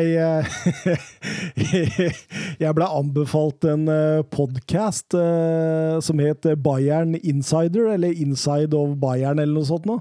Tenkte jeg den skulle jeg høre på. Alt, alt på tysk. Det er på tysk, ja. Det er bra du er så stødig på det, da. Kan dømme for deg, ja. Ja, det er han Søren som sitter og, og snakker ved siden av. Men, eh, men eh, det var jo en annen manager som røyk i dag, Søren. Ja, det var Peter Bosch. Han er ferdig. Eh, Etter, han har ikke fått grep på den krisen i Leverkosen. Nå gikk de gikk på en smell forrige uke mot uh, Amina Bielefeld, gikk på en ny smell mot uh, Hertha Berlin. Det er ikke nødvendigvis lag du skal tape mot hvis du vil spille i Champions League neste år, og da var det over. Nå har han ryket på å smelle med både Borussia Dortmund og Bayer Leverkosen. Hva tror du blir neste eh, jobb for eh, Peter Borch? Ja, vi får se da hvor lenge Åge Hareide sitter. Kanskje han tar over Rosenborg eller noe. Jeg tipper PSV eller Feyenoord, ja. Ja, At man går Tilbake til dit. Ja. Jeg tror det. Jeg tror han nesten må det, for jeg tror ryktet hans i Tyskland er ødelagt. Jepp. Eh, vi går over til Armina Bielefeld mot eh, RB Leipzig. Ja, og da spiller jo Nagelsmann uh, uten en ekte nier. Uh, veldig mange tek eh, tekniske og bevegelige spillere, eh, men ingen store fyrtårn. Uh, var veldig possession-prega kamp for RB Leipzig. Veldig sidelengs. Veldig sidelengs. Åh, veldig. Og det, det kritiserte Nagelsmann eh, etter kampen også. Han eh, mente at eh, man kan godt være litt modigere én mot én, og man kan gjerne få ballen litt mer direkte i boksen. Og det er vanskelig å være uenig i det. Ja, det var, det var første omgangen. Det er, altså, at jeg holdt meg våken, er jo egentlig en av de største prestasjonene jeg har hatt i denne uka. Det var den kampens største prestasjon, at du ikke sovna. Ja, for det var eh, tynn suppe, men eh, det smeller rett etter pause. Ja, så har vi det. Og da, da er de, men der har, vi, der har vi det igjen. Det kommer jo ikke mot etablert. Det kommer når Leipzig vinner ballen høyt. Eh, og da er det Olmo som til slutt slår presist mot lengste, og da er Savica helt blank. Fin vegg der, Olmo og Nkunku Ja, veldig som eh, det går raskt. Og Sabitzer på blank der og setter 1-0. Og da, da prøver jo Armina Bielefeld å omstille seg litt, da. Stå litt høyere og sånt, men Nei, Altså, du, du har jo noen sånne halvsjanser, men altså, jeg, du, du sitter jo da med en følelse når, når NU-målet kommer, ut ifra hvordan kampen har vært, og ut ifra hvordan kvalitetsforskjellen av de to lagene sitter med NU, og tenker ok, nå er det over. Det kommer ikke til å være noe faretryne der, og det ble det jo egentlig aldri heller.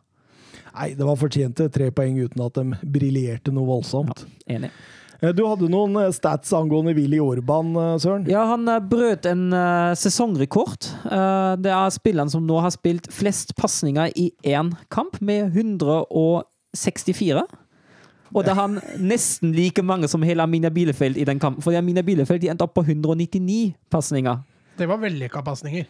Nei, 94% av disse Ja. var vellykka. Ja, Ja, men- men, jeg tenker på Bielefeld. Nei, de var 199 pasninger, og jeg tror 111 var vellykka. Så han hadde flere vellykka pasninger enn hele Aminia Bielefeld. Leipzig endte opp på 896 pasninger. Det må jo også være en rekord, eller?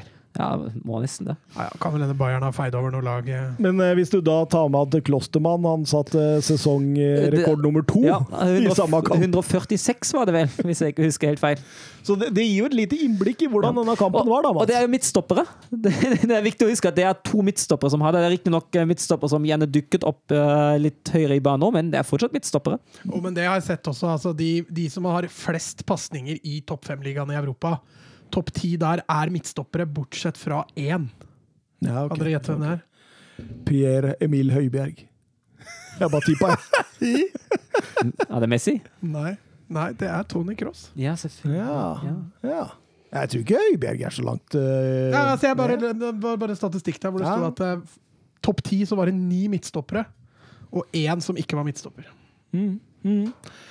Deilig, deilig. Um, vi sier ikke noe mer om den kampen, vi. Det var, eh, det var helt greit. Men eh, vi kan si mye om den eh, andre, Bayern München-Stuttgart. For der, der tenkte jeg etter eh, 10-12 minutter at nå er Bayern München i trøbbel. Ja, fordi Stuttgart åpner skikkelig friskt. Jeg syns det. Stuttgart var, Stuttgart var offensiv. Stuttgart var høye i press, og de plaga Bayern litt i starten. da også. Og så kommer jo den situasjonen med Davies, da han uh, først får et gult kort. Soleklart rødt! Det var soleklart rødt, ja. ja. Altså, Det skjønte han sjøl når det gikk til VAR der, sorry. ja.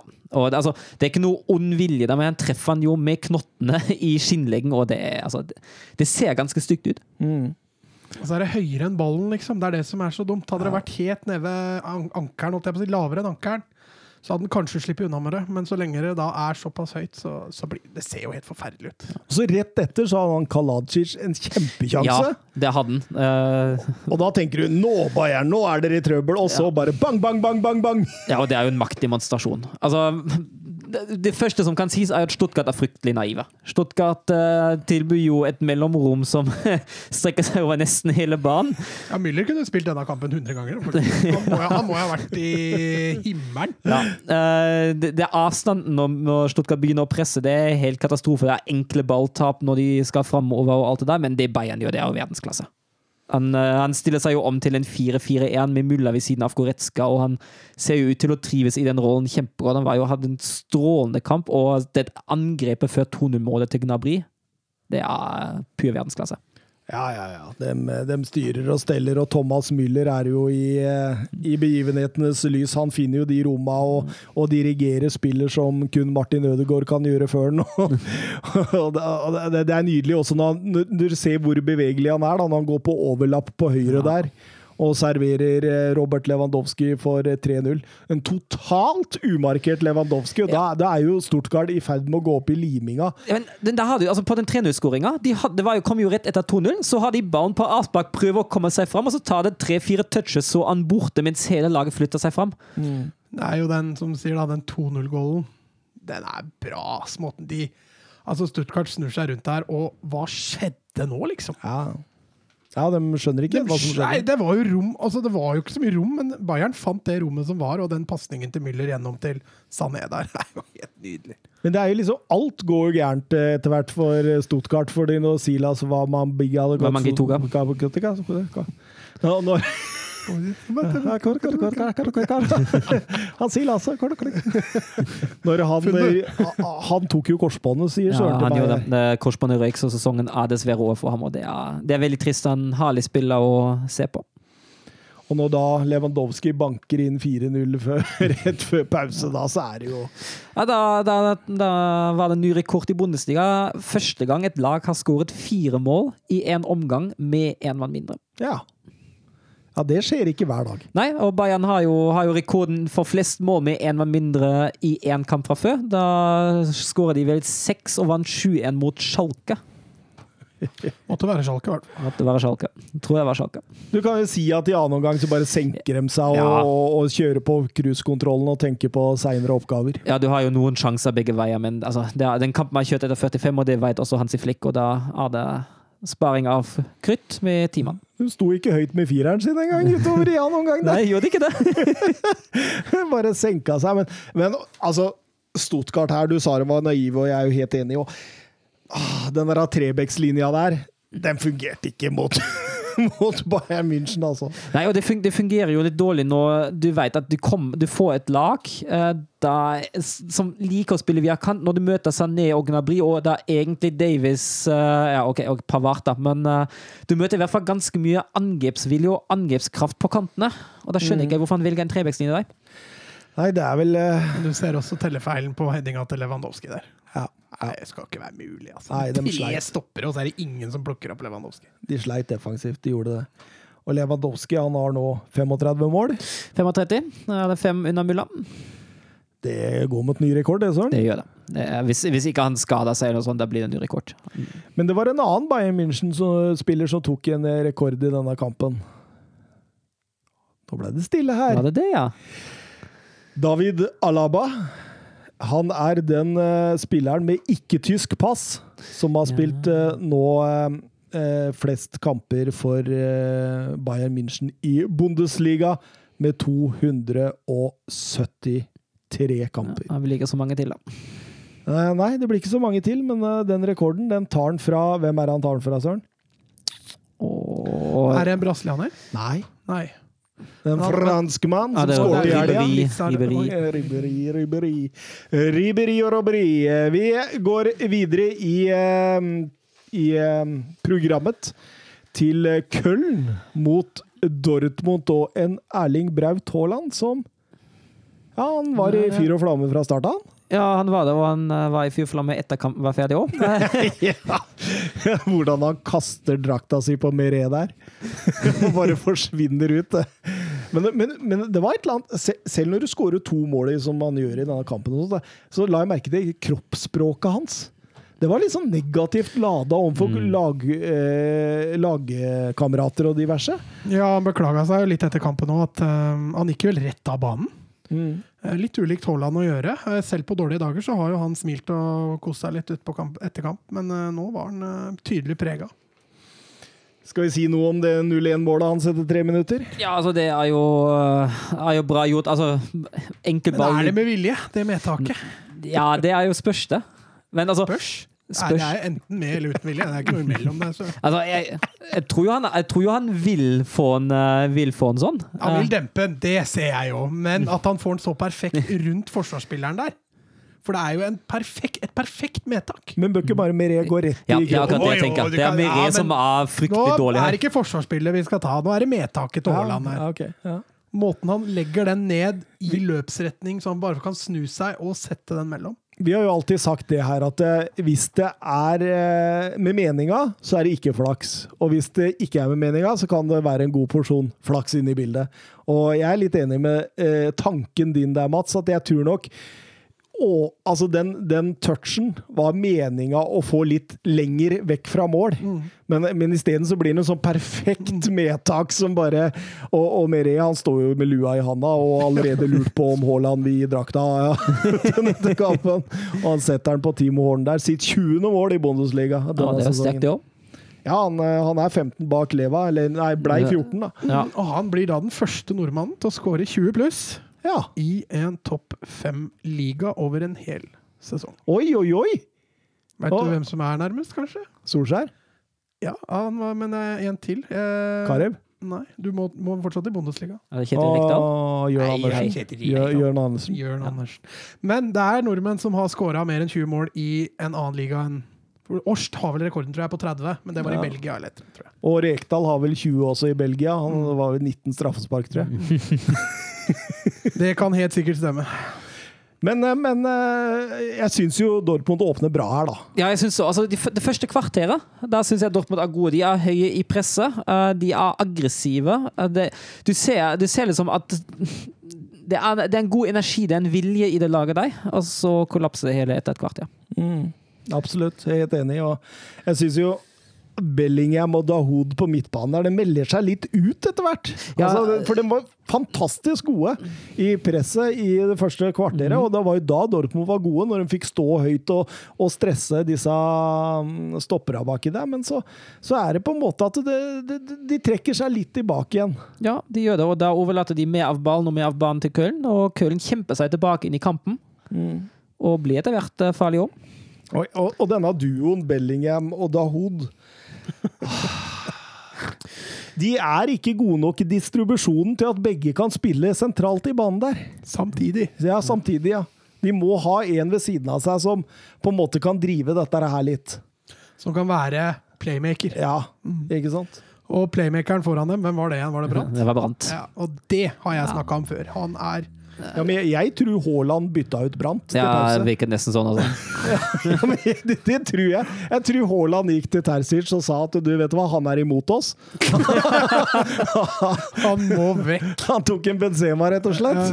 Fordi eh, han er så forbanna på Brant i løpet av den kampen. Ja, nei, det, eh, var, det er mye gode grunner. Altså, for Brant stemmer jo ingenting. Det stemmer ikke pasningen, det stemmer ikke timingen, det stemmer ikke ja, Eh, Mats hadde vel en her i forrige episode. Ikke kan det, og ikke Nei, kan det. ja, men det var fordi jeg lanserte han som årets kjøp eller noe sånt for et par år siden. Og det jeg ser, hver gang jeg ser på han, så blir jeg så skuffa. Men tenk hvor god han var i Leverkosen, da, og, og i deler av første sesongen i Dortmund. Ja, og så, så de, de få kampene han har vært god, da. Det har vært når han har spilt til andre plasser. Altså i Dortmund, da, men på banen. Jeg husker jeg var forbanna, for han, var jo, han er jo Wolfsburg Akademi-produkt. Og så husker jeg jeg var forbanna da han gikk til Leverkosen og ikke spilte for oss. Men uh, Nå koser du deg. ja, nå er det helt greit. Ja, Nå skal Wolfsburg spille Champions League, og Brandt skal spille Europaligaen. ja, Og Søren skal sykle. Og så Søren skal sykle. Eh, det blir et straffespark, Søren. Det blir det. Uh, og da, altså, det var jo sol... Jeg syns det er soleklart. Det er Hens. Uh, Bellingham. Hvis, Tens er straffespark, så er det straffespark. Ja. Bemerkelsesverdig der at dommeren trenger Ja. 72 repriser Ja. for å ta den konklusjonen. Ja, og. Han står jo godt på situasjonen nå. Altså, jeg skjønner ikke at han ikke bare blåser med en gang. Jeg forstår det ikke. Han, står, han er jo eh, eh, Det står jo fritt syn, altså. Og, og da tenker jeg Doda setter 1-1 der, og, og, og med unntak av de 10-15 første minuttene, det er så stasjonært. Det Ja. går så treigt. Det er så mange touch i det laget der at du, du får jo Altså Husker du den tida da vi snakka om at Dortmund var et av de morsomste lagene å se på? For det var så direkte, det var så eh, nydelig, og det, det fløyt, det var dynamisk. Alt det, alt det er bare kasta bort. Ja, og- Sammenligna dem med Arsenal på 2000-tallet. Ja. Altså, det, det jeg sliter veldig med med Terzic, nå uh, Nå har jeg sett så mange kamper, og nå ser man jo at hele venstresida er borte. Guerrero og Sali Sancho, og det merkes. Og jeg skjønner ikke helt hvordan han vil score mot etablert. Jeg forstår det ikke. Jeg ser ikke helt planen hans, altså. Jeg veit ikke om det bare er jeg som er blind, men Altså, Du har noen, noen lange baller i bakrommet, greit nok. Du har noen få vendinger ut på kant, men det virker som at siste tredjedel, da er det tilfeldigheter. Altså. Ja, så ser du jo Bekka står igjen nå. Ja. De kommer jo ikke mer. Husker du i sist sesong da Gureiro og Hakimi kom i 194 hver eneste angrep? Ja.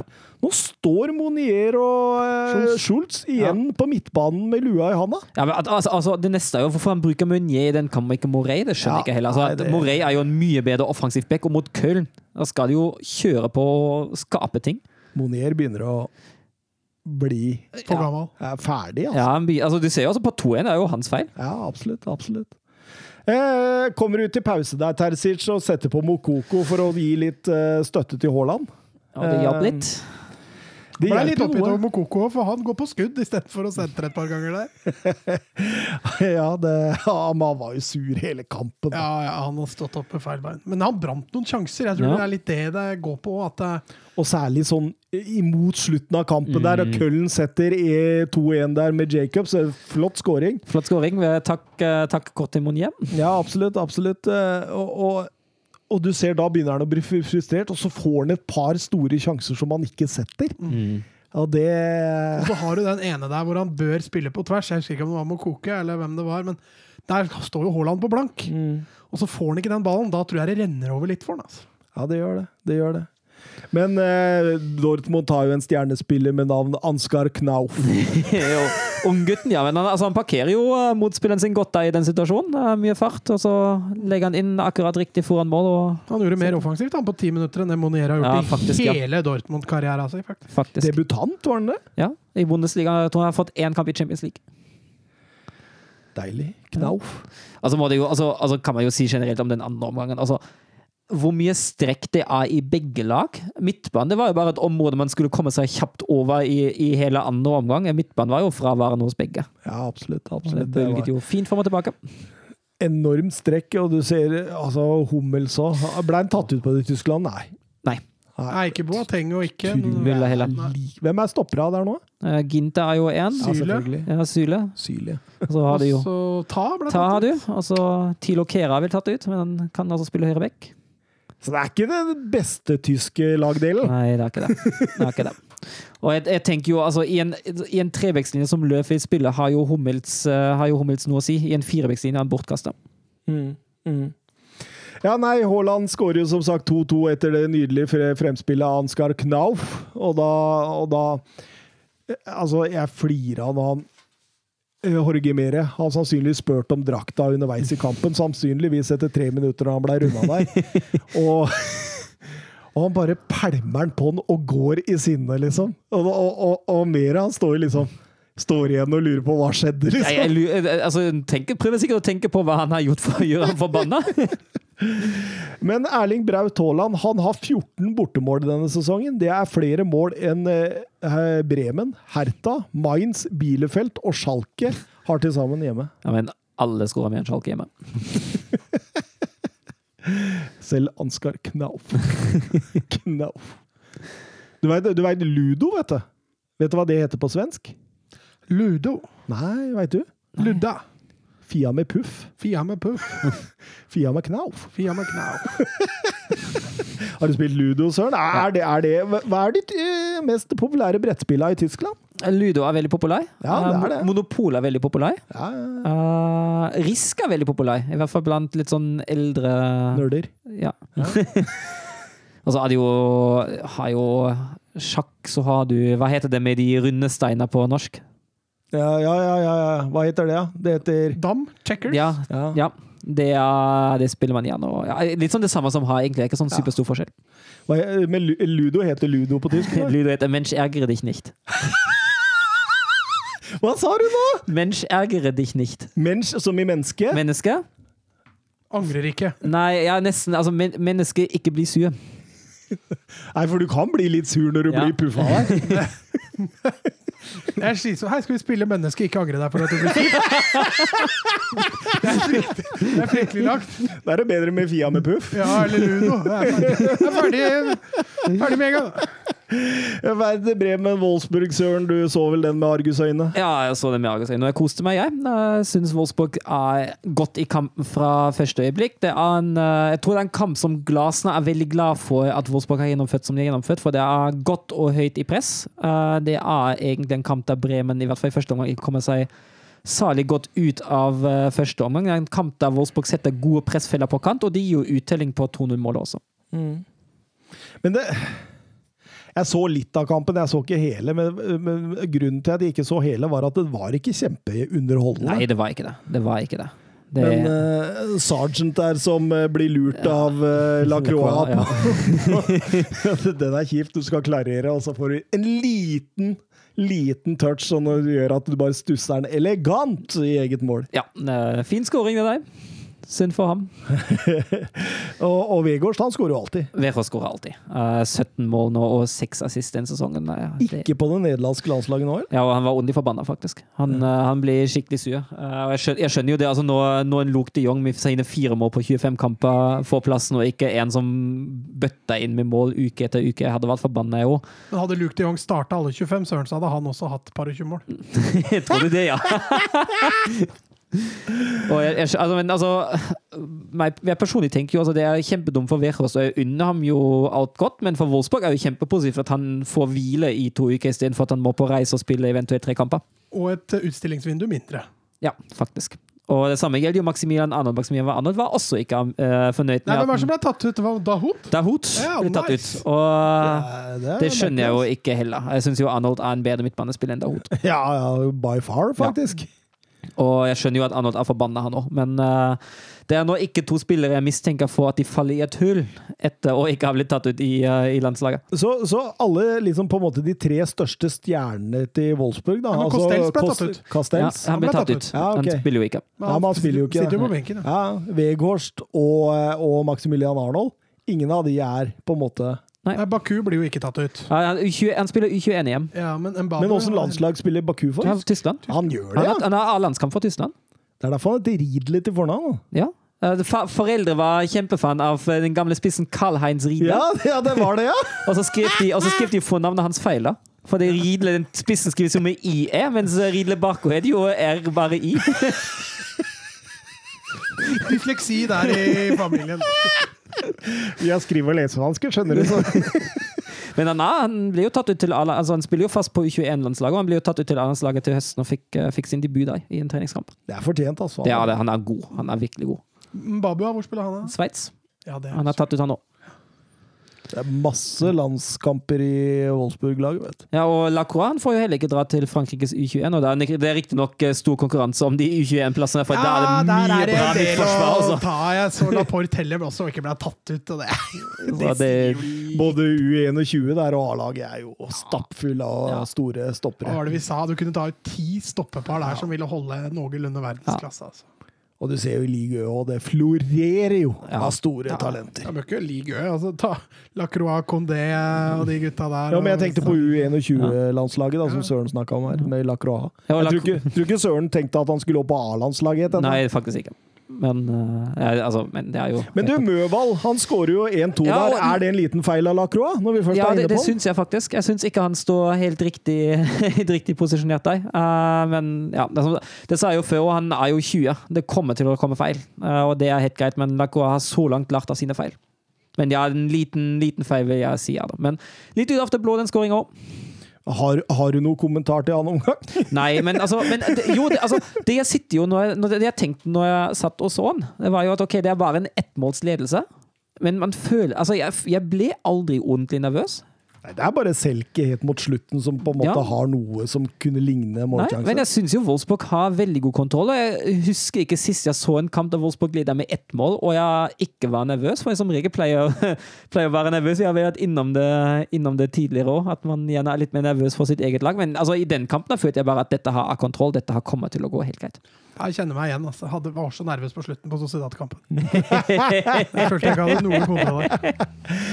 Eh, jeg skal quize Søren i Bono i Wolfsburg nå. Oi, oi, oi. Uff da. Hør nå. Nå håper jeg, mange er du håper jeg du Nei, det er, det er bare det er bare én man må nevne tre navn. Da. Okay. Vegård skårte sitt 50. Bundesligamål eh, for Wolfsburg eh, Ja. i denne kampen. Eh, det er kun tre spillere i Wolfsburg som har flere Bundesligamål gjennom tidene. Edin Dzeko, Ja. Graffiti, Ja. Diego Klimovic. ja. Det var en dårlig quiz, Thomas. Her var det det. Ja, den er jo lett. Skulle jeg, ok. Hva heter besteforeldrene til Ja, de tre nå snakker vi! som, har flere mål enn Vegård? jeg har ikke peiling på. Roger Dzeko. Olga Dzeko. Nei, men Dette blir Champions League, dette, Søren. Det blir nok det. Altså, nå som, altså, hvis du ser på de lagene bak, Dortmund surer jo bort poeng. Leverkosen uh, surer noe voldsomt. Uh, Mönchenglattberg er helt ute av det. Ja, ja. Eh, Det, det- altså, det går ikke an å, å, å spikre. Du skal på sykkeltur. Det ser sånn ut. Altså, jeg har jo fortsatt de direkte kampene mot eh, både Frankfurt og Dortmund igjen. Da. Det, Og så greia, De ligger jo også på Drar tredjeplass. poeng av det. Altså, det, er, det er to lag som må Ja. forbi i tillegg. ja, ikke sant? det er akkurat det. Og det, ser, altså, det. og det ser jo fryktelig stabilt ut. Det gjør jo det. Men nå går dere vel imot den der rekka med Leipzig og Bayern og Ja. Dortmund. Nå er det Köln neste, og så begynner det å bli litt, eh, litt mindre morsomt. Men dere kommer til å plukke poeng der òg, Ja, for det de er er så det. solide. ikke sant? Ja. Det blir ikke bare seire, liksom, men det, det, det vil bli en Ja. Det, går, det blir ikke null poeng ut av Nei, det gjør ikke det, vet du. Nei, Vi går over til Serie A. Vi går over til Inter Sassolo, som ble utsatt. Ja. Koronasmitte i, eh, i Inter, og da var det vel eh, de lokale helsemyndighetene som satte foten ned. Hyggelig for Inter å ikke få kampen 2-0 mot seg. Ja, absolutt. slik Napoli, men den kampen er omgjort, så den skal Ja, spilles. den skal spilles.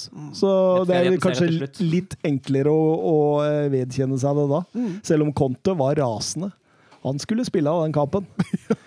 Selv uten eh, Altså, det var jo Handanovic, eh, Di Ambrosio, De Frey og Vecino som var koronasyke. koronasyke. Det er jo bare Divre og Handanovic da, som er Ja, toneangivende. der. ja, absolutt. Så han tenkte vel at dette skulle vel gå, men Sassolo er jo ikke noe enkelt. Nei, så- den kampen der ville jeg ikke undervurdert, altså. Nei.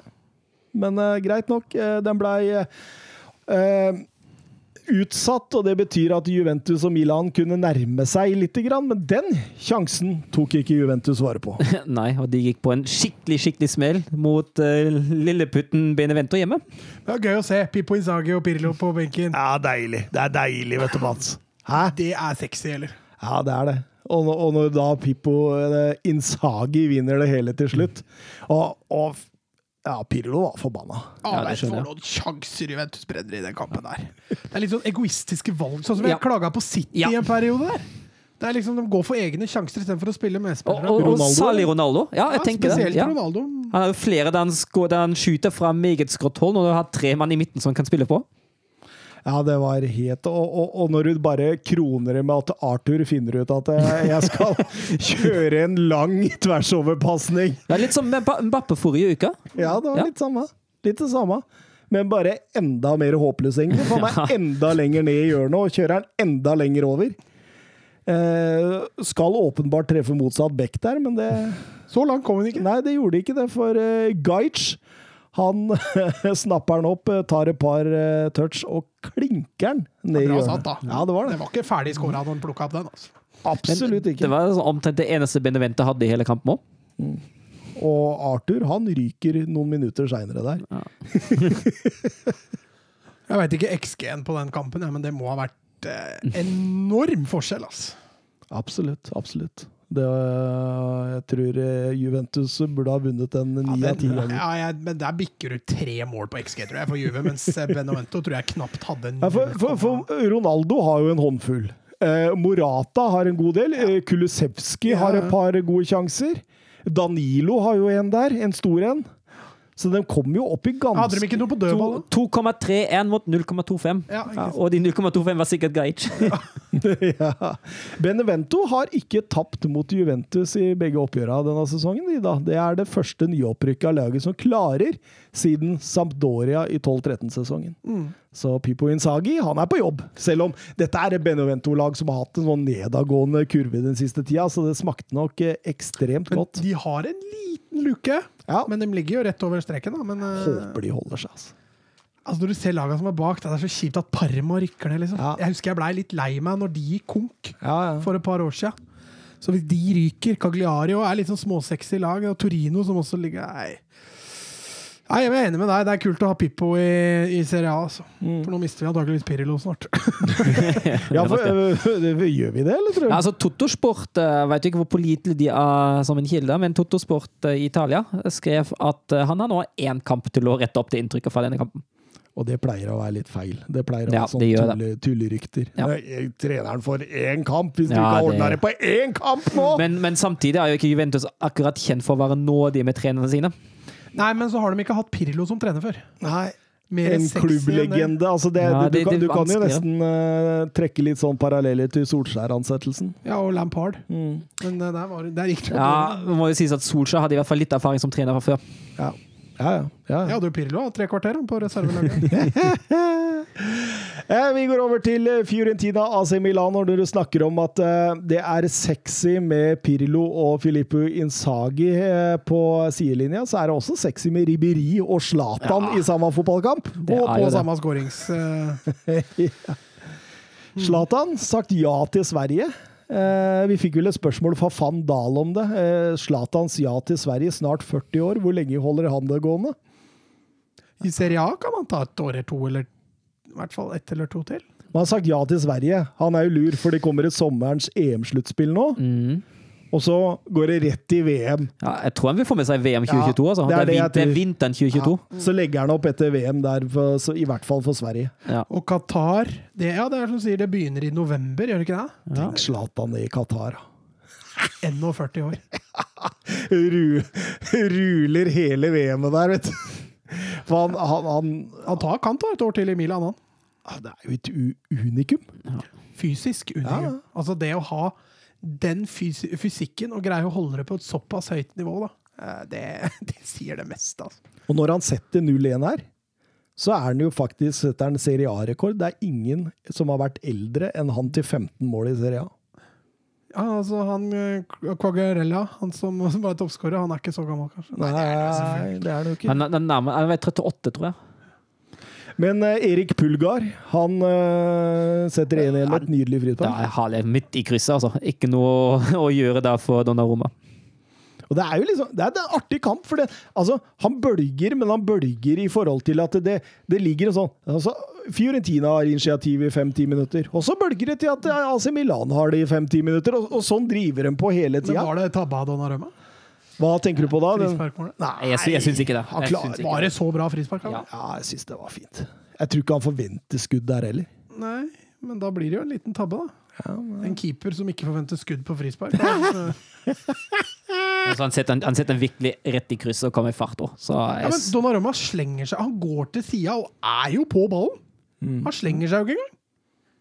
Jeg syns ikke det er, ikke, det er ikke tabbe. Er ikke en så viktig sak for meg, så jeg gidder ikke å diskutere så mye på den. Jo, kom igjen, da. Nei, ok. Kom igjen, da. Ja, jeg veit du har det, Jølsrud. Kom igjen, da, Den tapte du. Den tapte du så du sang.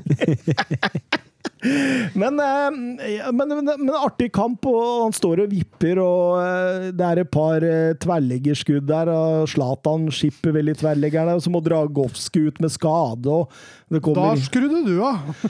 Det var litt kjedelig at skjeggemann forlot. Han er jo en strålende og morsom keeper, men, men annenomgangen Jeg koste meg, altså. ja, det var fortsatt morsomt. Ribberi der. Hva var det for en haltefeiring han hadde? Han er litt sånn gangster. Tror jeg. jeg tror han er innerst inne så er han en liten gangster. Ja, men han Er ikke kjempereligiøs, liksom? Jeg vet ikke, men han hadde jo, han hadde jo en sånn affære at han kjøpte seg en sånn kjempetur gullsteak i eh, Dubai, var det vel? Ja, stemmer. Og da, ble han, eh, da tok han bilde på sin Instagram-konto, og så fikk han massevis av kritikk at han kjøpte en gullsteak og uh, framstilte seg som skikkelig dekadent, og så ba han alle andre gå og eh, eh, ja, gjøre en viss ting på Instagram, og ja, ja, altså det var harde Hva da? Hva er det du kan gjøre på Instagram? Nei, go yourself. På sier- Instagram? Fuck yourself. Ja. Er er ikke det litt uvanlig å gjøre på Instagram? Nei, men det er bare folk om å gjøre det via Instagram, da.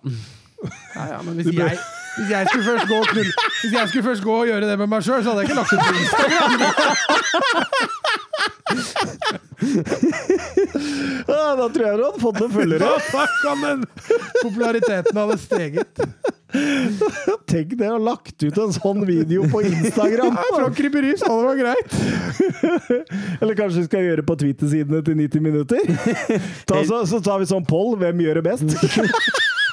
Nye, ny runde av 20-10 spørsmål. Hva tar, kan ta det på tid, Thomas. Søren vinner på teknikk. For, Men går på tid. Hvem kommer først i mål? men, men, men Brahim Diaz han setter 2-2 rett etterpå. Det, det var jo sånn kampen var. Han sto og, og, og tippa, og eh, det, det var rett og slett god underholdning. Jeg kosa meg. Eh, men eh, nydelig Tomori-brytning der. Brahim Diaz og Frank Kessi spiller fram eh, Shanaloglu der eh, på hjørnet av boksen. Og det er meget overraskende skudd der. Ja, jeg tror kanskje keeperen ikke forventa det. Eh, han kommer, men det er bra satt i lengste der, altså. Eh, men det er et stykke fra mål, så kan jo lure litt på hva, om Dragowski kanskje hadde tatt den. Så dreper Milan kampen etter dette. Bare trekker ned tempo, skaffer mange frispark og spiller litt som et topplag, dette Milan-laget. Det gir ikke helt slipp, selv om Inter har eh, god kontroll på skudettoen. Ja, og eh, ja, det blir nok Inter som tar den. Utvilsomt. Milan har tolv borteseiere i Serie A denne sesongen. Eh, rekord sammen med eh, 04-05 og 11-12-sesongen i klubbens historie, eh, med fem bortekamper igjen. Så det er utvilsomt en god bortestatistikk på dette. Rossoneri. Tror du det blir annenplass, eller? Blir det, eller? Ja, åh, den er litt tøff, men jeg tror akkurat nå så tror jeg det. Men jeg kan hende jeg vingler. Ja. Vingler du, Søren? Nei. Hva, hva har vi det på tabelltipset? Fjerde. Ja. Hva er vi? Jeg ville ha dem på tredje. Jeg bare sier det. ja, stemmer det. Stemmer det. Men jeg, faktisk, jeg, jeg- jeg var veldig nysgjerrig her om dagen. eh. Nei, jeg bør ikke ta den, for jeg husker ikke. Men, men du tok i hvert fall voldsomt feil i et La Liga-tips. Nei, nei, nei. Jo, for du, du sto så beinhardt på en ting og sa ja, da er, det, da er det opp til dere, for jeg er ikke med på det. Og, sånn. så, så viser det seg at vi to, Søren, hadde rett. Men jeg, men jeg, jeg kan ikke si hvilken Ja, klubb det var. Ikke sant, ikke sant. Eh, hovedkamp Lyon, Paris, Saint-Germain. Ja, for første gang i Ligue 1. Det var deilig. Ja. Eh, totalt det 97. oppgjøret mellom klubbene. Det har vært eh, 30 Lyon-seiere og 41 til Paris Saint-Germain. De siste 30 matchene, altså eh, så å si etter Qatar-tid, så har eh, PSG hatt et eh, solid overtak med 19 seire eh, av de 30 siste. Lyon vant 0-1 på Part de Prance i motsatte oppgjøret denne sesongen etter scoring av Cadevere. Tilsvarende sist sesong 0-1 med Neymar junior. Eh, Lill tapte tidligere på dagen, så vinneren av denne kampen fikk tabelltoppen. ja. Så det var mye å spille for. Eh, La vi merke til noe ved lagene? Ja, Neymar var jo tilbake igjen da, etter å ha vært skada lenge, men satt jo på benken. Diallo, som har prestert bra på venstrebenken, fikk eh, fornya tillit der. Og så kanskje stussa litt at Danilo Pereira fikk starte sentralt sammen med Guay. Jeg tror det var for at han ønska å få Verratti opp i den tierrollen. Ja, for samtidig blir jo både Draxler og Rafinha benket. Ja. I Lyos var jo Dubois klar, men Di jo. han tok eh, plassen likevel, litt overraskende. Og så var jo Hosem Aouar ute. Ja, det var jo det klart det store tapet for, eh, for Lyon. Når man ser hva det mangler, sånn etterpåklokskapen, da syns jeg det er rart at Dembélé er på et utlån i Atletico Madrid Mm. hvor det ikke foreligger noen kjøpsavtale. Jeg fatter ikke den avtalen her. Det er en tap-tap-situasjon for begge klubbene, og for Dembélé! Ja, kan godt hende Dembélé får et eh, La Liga-trofé ut av det. da. Ja, det er jo sant, men han har jo da sittet mye på benken. Ja. Eh, kampen eh, Relativt jevn åpning før eh, Moise Keens store sjanse etter fem minutter. En overgang der. Rett forarbeid. Ja, da. Mbappé. Da sier han bare mi, mi, Og så durer han rundt eh, bekken. Og måten han vekter det legget på inn bak der Moise Keen som bare kan løpe den ballen inn. Men klarer ikke. Fryktelig bra gjort av Mbappé. Altså. Men det, altså den, de løpene til Mbappé nå er litt sånn foregripende, men de blir jo et stort problem for Lyon hele kampen. De blir jo det. Ja, Samme hvor han spilte på Ja. banen. Men det var det Barca sleit med på kamp nå med Mbappé òg. Jeg tror eh, medisinen der er å ta han knallhardt ut av kampen. altså. I hvert fall når du skal stå så høyt. Og det, det som jeg syns Lyon faller skikkelig på her, sånn, er det høye presset de har, som er så fryktelig dårlig. De sender få folk opp i presset. De står allikevel høyt med forsvarsrekka si, som etterlater altfor store rom bak eh, bekkene, og for så vidt stopperne, men der var det liksom ikke like farlig. Mm. Jeg er helt enig. Helt enig. Det syns det er veldig rart, og du ser dem sliter voldsomt i presspillet der. Det, altså, men, men, men det handler likevel om at pariseren Saint-Germain er skikkelig bra med ball i starten der. Det syns jeg òg. Altså, altså, eh, bra med ball, altså bra uten ball. Jeg syns de bevegelsene som de tar eh, Dynamisk. Dynami dynamiske, fryktelig bevegelige, og motsatte bevegelse, crosser og altså, det, er, det er sterkt. Det er et lag som er godt samspilt, altså. Og Beretti herjer i tieren. Ja. Men, men, du, men du kan jo si at uh, uh, PSG er fryktelig gode, men når du har en sånn taktikk da, som det virka som Lyon hadde, hvor de skulle stå sånn mellomhøyt Altså Det var verken fugl eller fisk. da Ja. Jeg tror PSG, Der må du enten gå lavt, eller så må du gå superaggressivt. Ja, Litt Arsenal-Westham. ja. Ja. 3-3 der, ja. Kanskje. Ja, for det, altså det virket jo som at Lyon var mest opptatt av å holde sentrumet stengt. Stengt, men ikke, altså ikke nødvendigvis aggressivt nok. Og det, det blir jo et problem. Det Tar jo bare 14 minutter for Kylian Mbappé setter 0-1.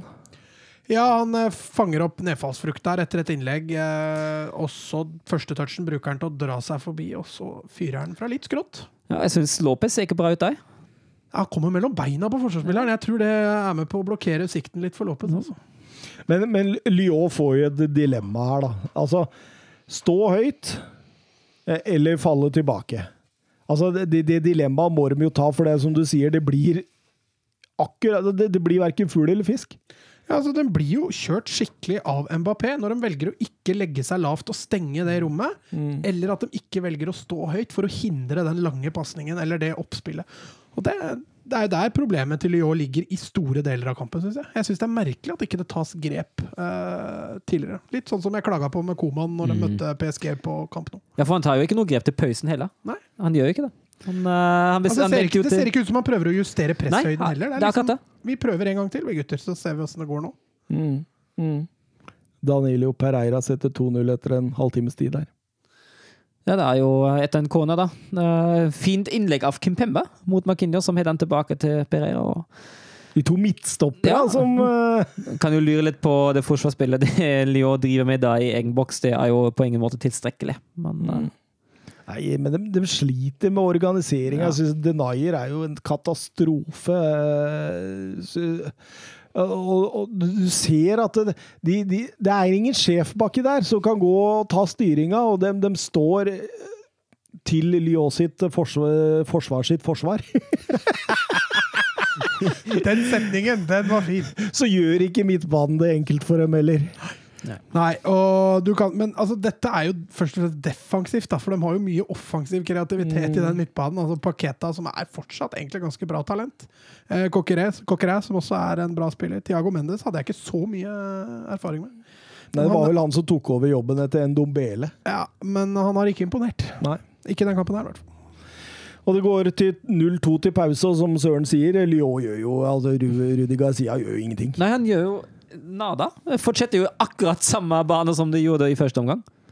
Skal det sies at den 0-3-skåringen er noe heldig. Ja, for all del. Men Her kan vi snakke litt keepertabbe, eh, men allikevel likevel vanskelig å bedømme for keeperen. Ja, det er det. Kommer en touch der det er, akkurat altså det er jo det, det som er problemet. Man må jo være innstilt på at en eller annen spiller rekken eh, rekker han sentralt. Og så ser det litt dumt ut som keeper for all det, men den, den er vanskelig for ham. Er bra satt av de Maria der. Det er, altså, du legger jo de legga akkurat der det skal Ja, altså være. Når innløpa times sånn som det gjør, det, det gjør det fryktelig vanskelig for keeperen. Altså. Ja, absolutt. Um, Toko Ekambi har vel en sjanse til å sette 3-1 der eh, rett etter. Nydelig redning av Navas der. Mm. Ja, han var på jobb, han. Og så tar det bare er det 22,4 sekunder før ballen ligger i andre nettet, og det er Kylian Mbappé i bakrom. Ja, Da kan vi jo snakke Paketa først, da. Han som uh, mister ballen eh, på vei oppover, er jo fryktelig å miste ballen i den posisjonen når du egentlig er den bakerste spilleren i ditt lett når, som, som har ballen, og så mister du, og så står forsvarsfireren høyt, overraskende nok, og da får Mbappé fritt rom til å Parkerer Marcelo med ball der. Ja, det er bare Og så er det av gårde. Og ja, du kan lure på Paketa der, fordi han begynner å legge seg før kontakten, og det er jo der dommeren ikke la, skal kalle det, gåsehøyne ikke la seg lure, da, for det er jo muligens kanskje et frispark. Mm, absolutt. Eh, men eh, så lenge han begynner å falle før kontakten skjer, så, så tror jeg ikke dommeren tenker at det der er frispark. Og så kan vi jo lure på uh, gjenvinninga der til, eh, til Lyon. Ja. Jeg tror kanskje de to-tre nærmeste tror at dette blir frispark.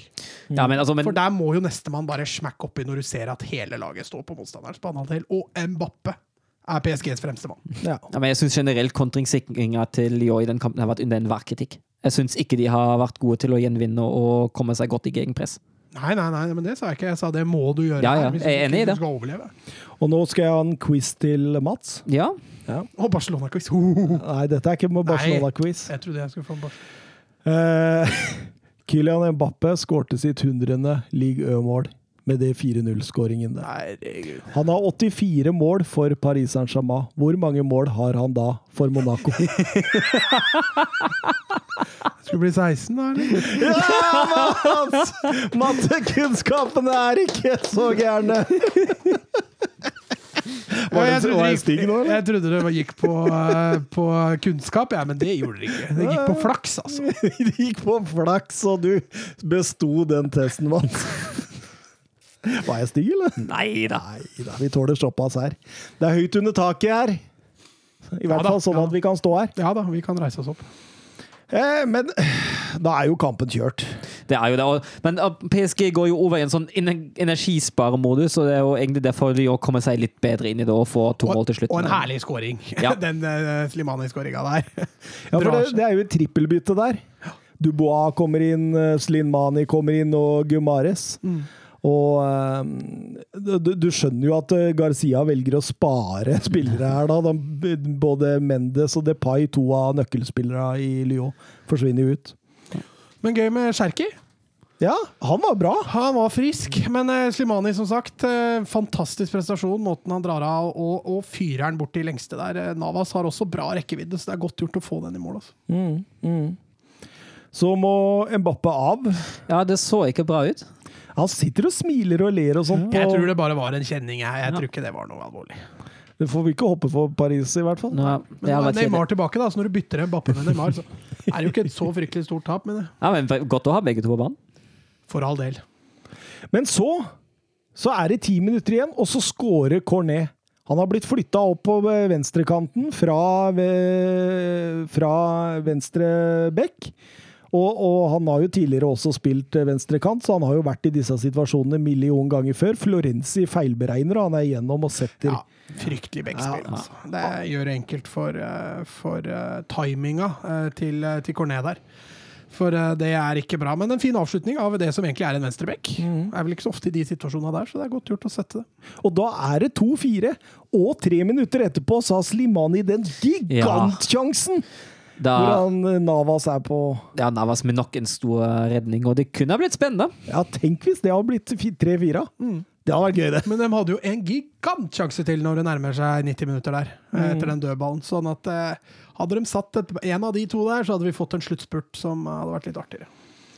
Men det blei 2-4, og det betyr det at eh, Søren og Mats får ett poeng i resultattipset. De eh, tippa Paris Saint-Germain-seier, men ikke med riktig sifre, mens jeg, jeg var eh, litt sånn at jeg trodde det kunne gå på et smell, og at Lyon fikk med seg ett poeng, og det ga meg null poeng, i likhet med Lyon.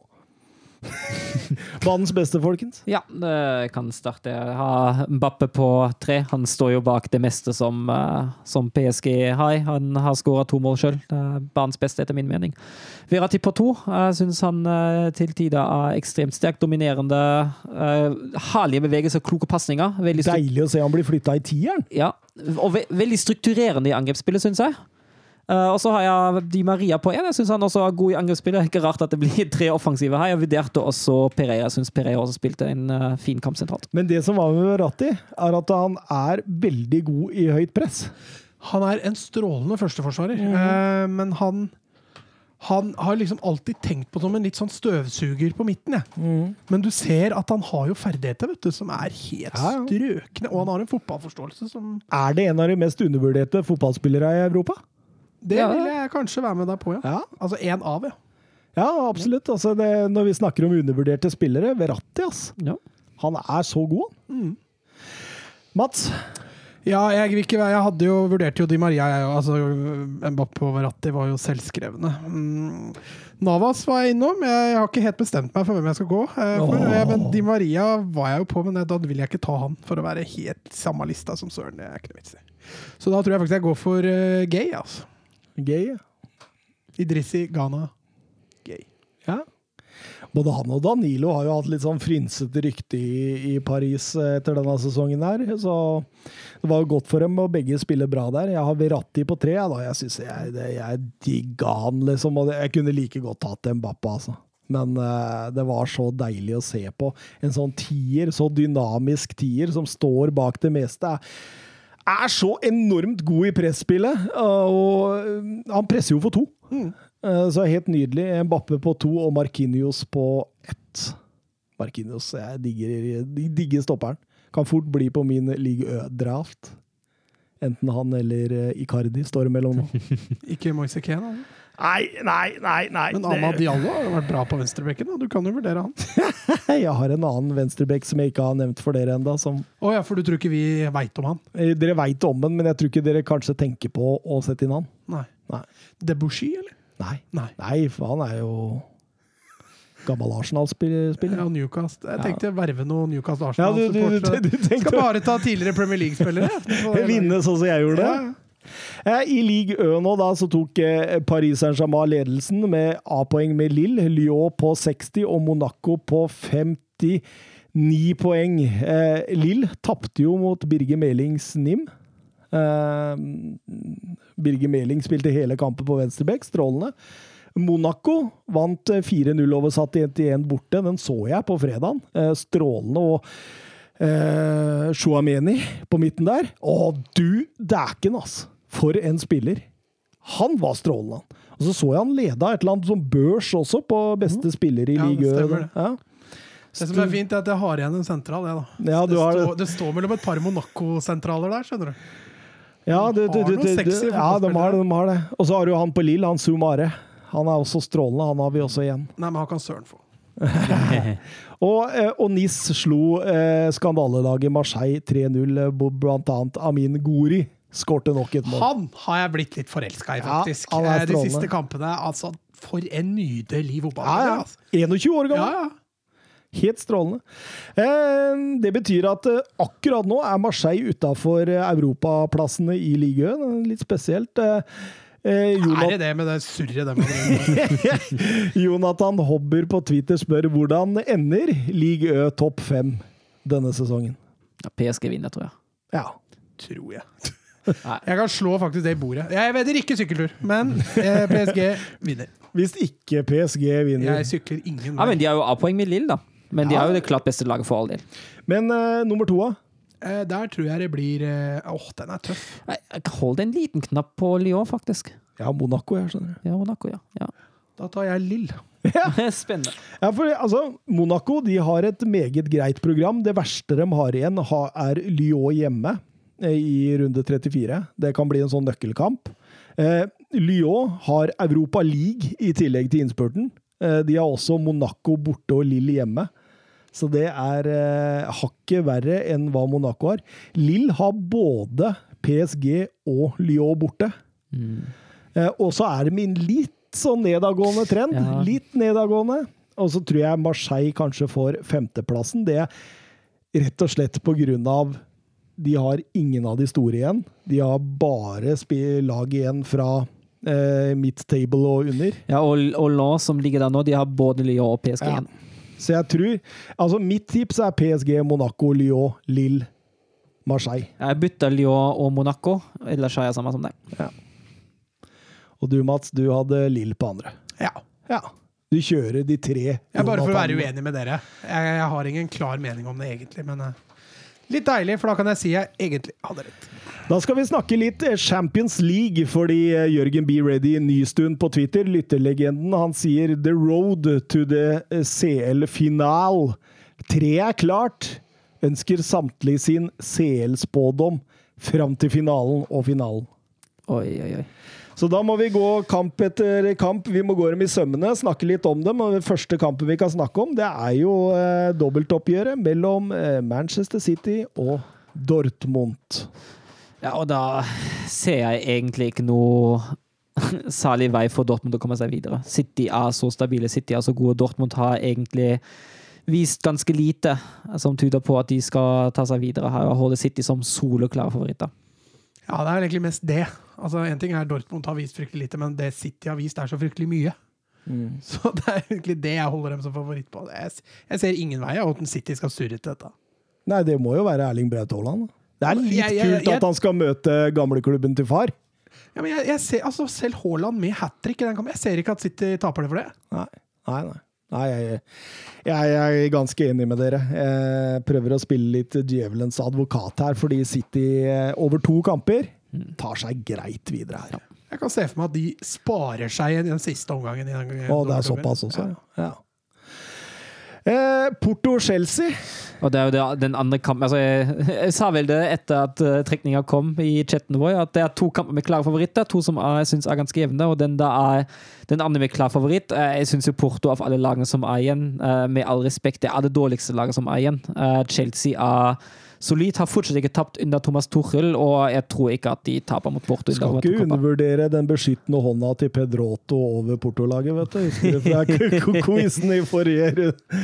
Ja, Men han har jo ikke vært til stede siden 2000. Og, så det er mulig den hånda har tatt seg en ferie, altså. Ja, men, men, men går det an å kalle dette det José Mourinho Derby? Ja, det går jo an, det. Eller Andreas Wias Boas Derby. Ja. ja, det var en great comeback, faktisk. Det var vel mer Mourinho enn André Villas Altså, André Mourinho- Villas Boas ble jaga ut av spillere, liksom. Tenk om Mourinho går til Zenit og Vias Boas går til uh, Inter. Ja. Da har de jo nesten hatt alle Ja, klubber. ja, ja. Det er gøy. Det hadde vært kult. Og så får du jo Nei, Boas var vel i Tottenham, ja. Mm, ja, ja. Ja. Ja, ja, men han, han begynte, trua begynte, begynte jo bra. Ja. Begynte jo veldig bra. Um, Bayern München, Paris Saint-Germain. Da begynner vi å komme til de vanskelige. Ja, jeg tror over to kamper tar Bayern det fortsatt. Jeg syns toppnivået til Bayern er høyere enn toppnivået til PSG, men den er jevnere. Den er klart jevnere. Og Mbappe mot det høye forsvaret der eh, kan bli morsomt. Ja, det er en Bappe som eh, gjør at det der blir jevnt og spennende, tror jeg. Eh, Bayern kan ikke ta for store sjanser, i hvert fall ikke med Pavar på høyrebekk. Sånn at de må ta hensyn, og det, det gjør at uh, Pavar mot Mbappe. Åh, Ja, eller, eller så spiller Syle høyre vekk, ja, det er enda, enda verre!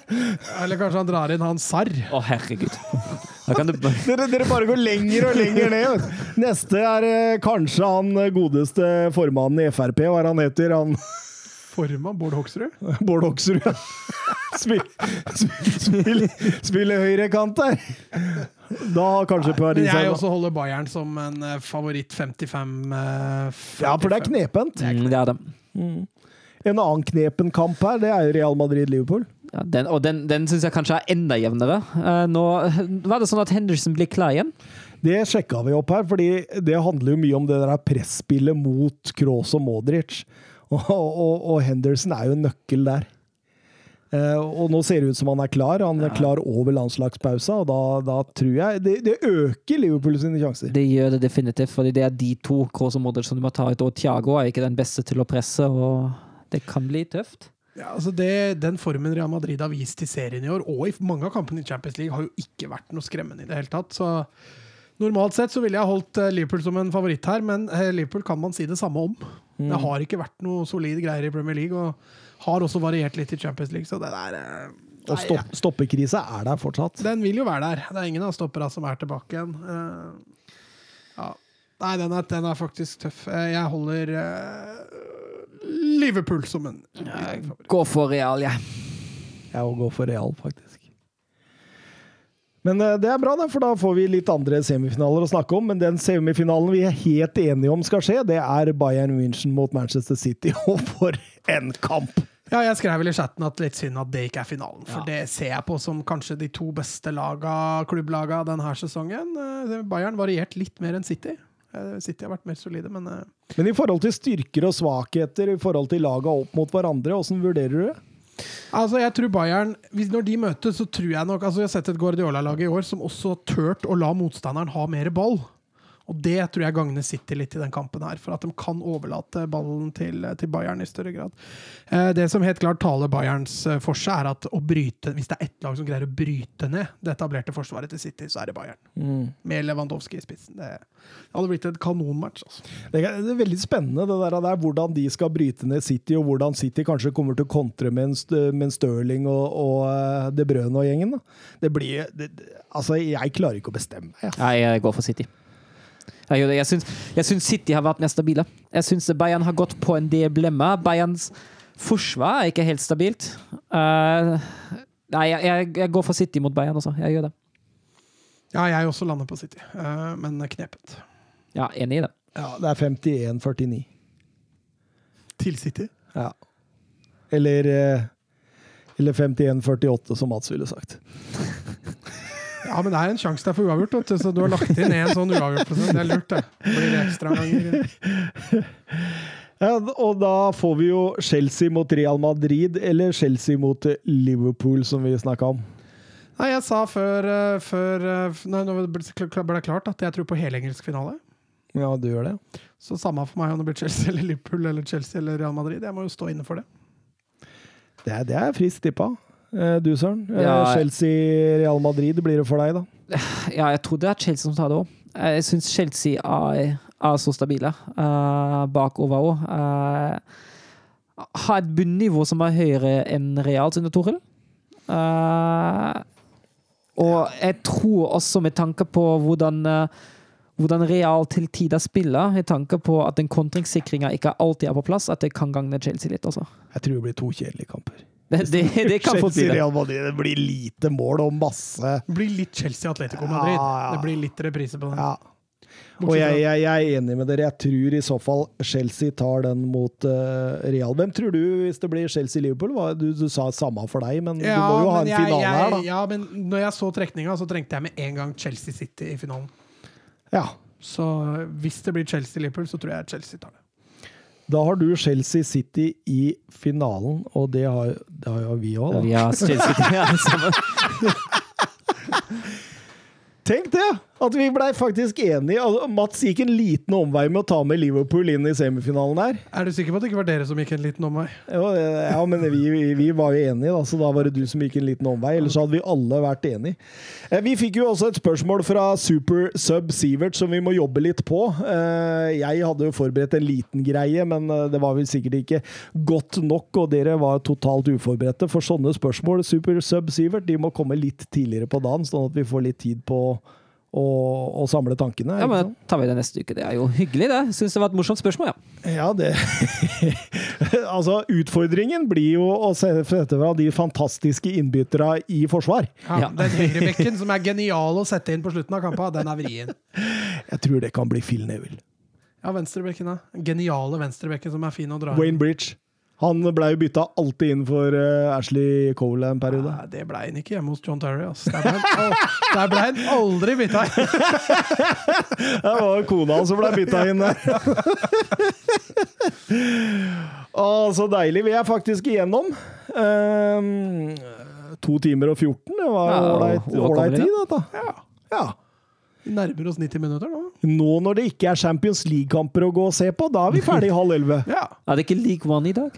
Jo, det er kanskje det. Ja, League ja One, så er det jo noen landskamper, da. Er det det i dag? U20, U21 Satt ikke den i morgen?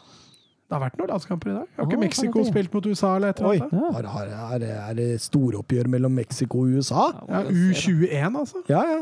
Er, er det noen ålreite spillere på de lagene? Nei, sorry, jeg surra. Det er El Salvador U23 mot Honduras U23. Ja, for det eneste jeg fikk opp her, det var vennskapskamp mellom Djurgården og Degerfors.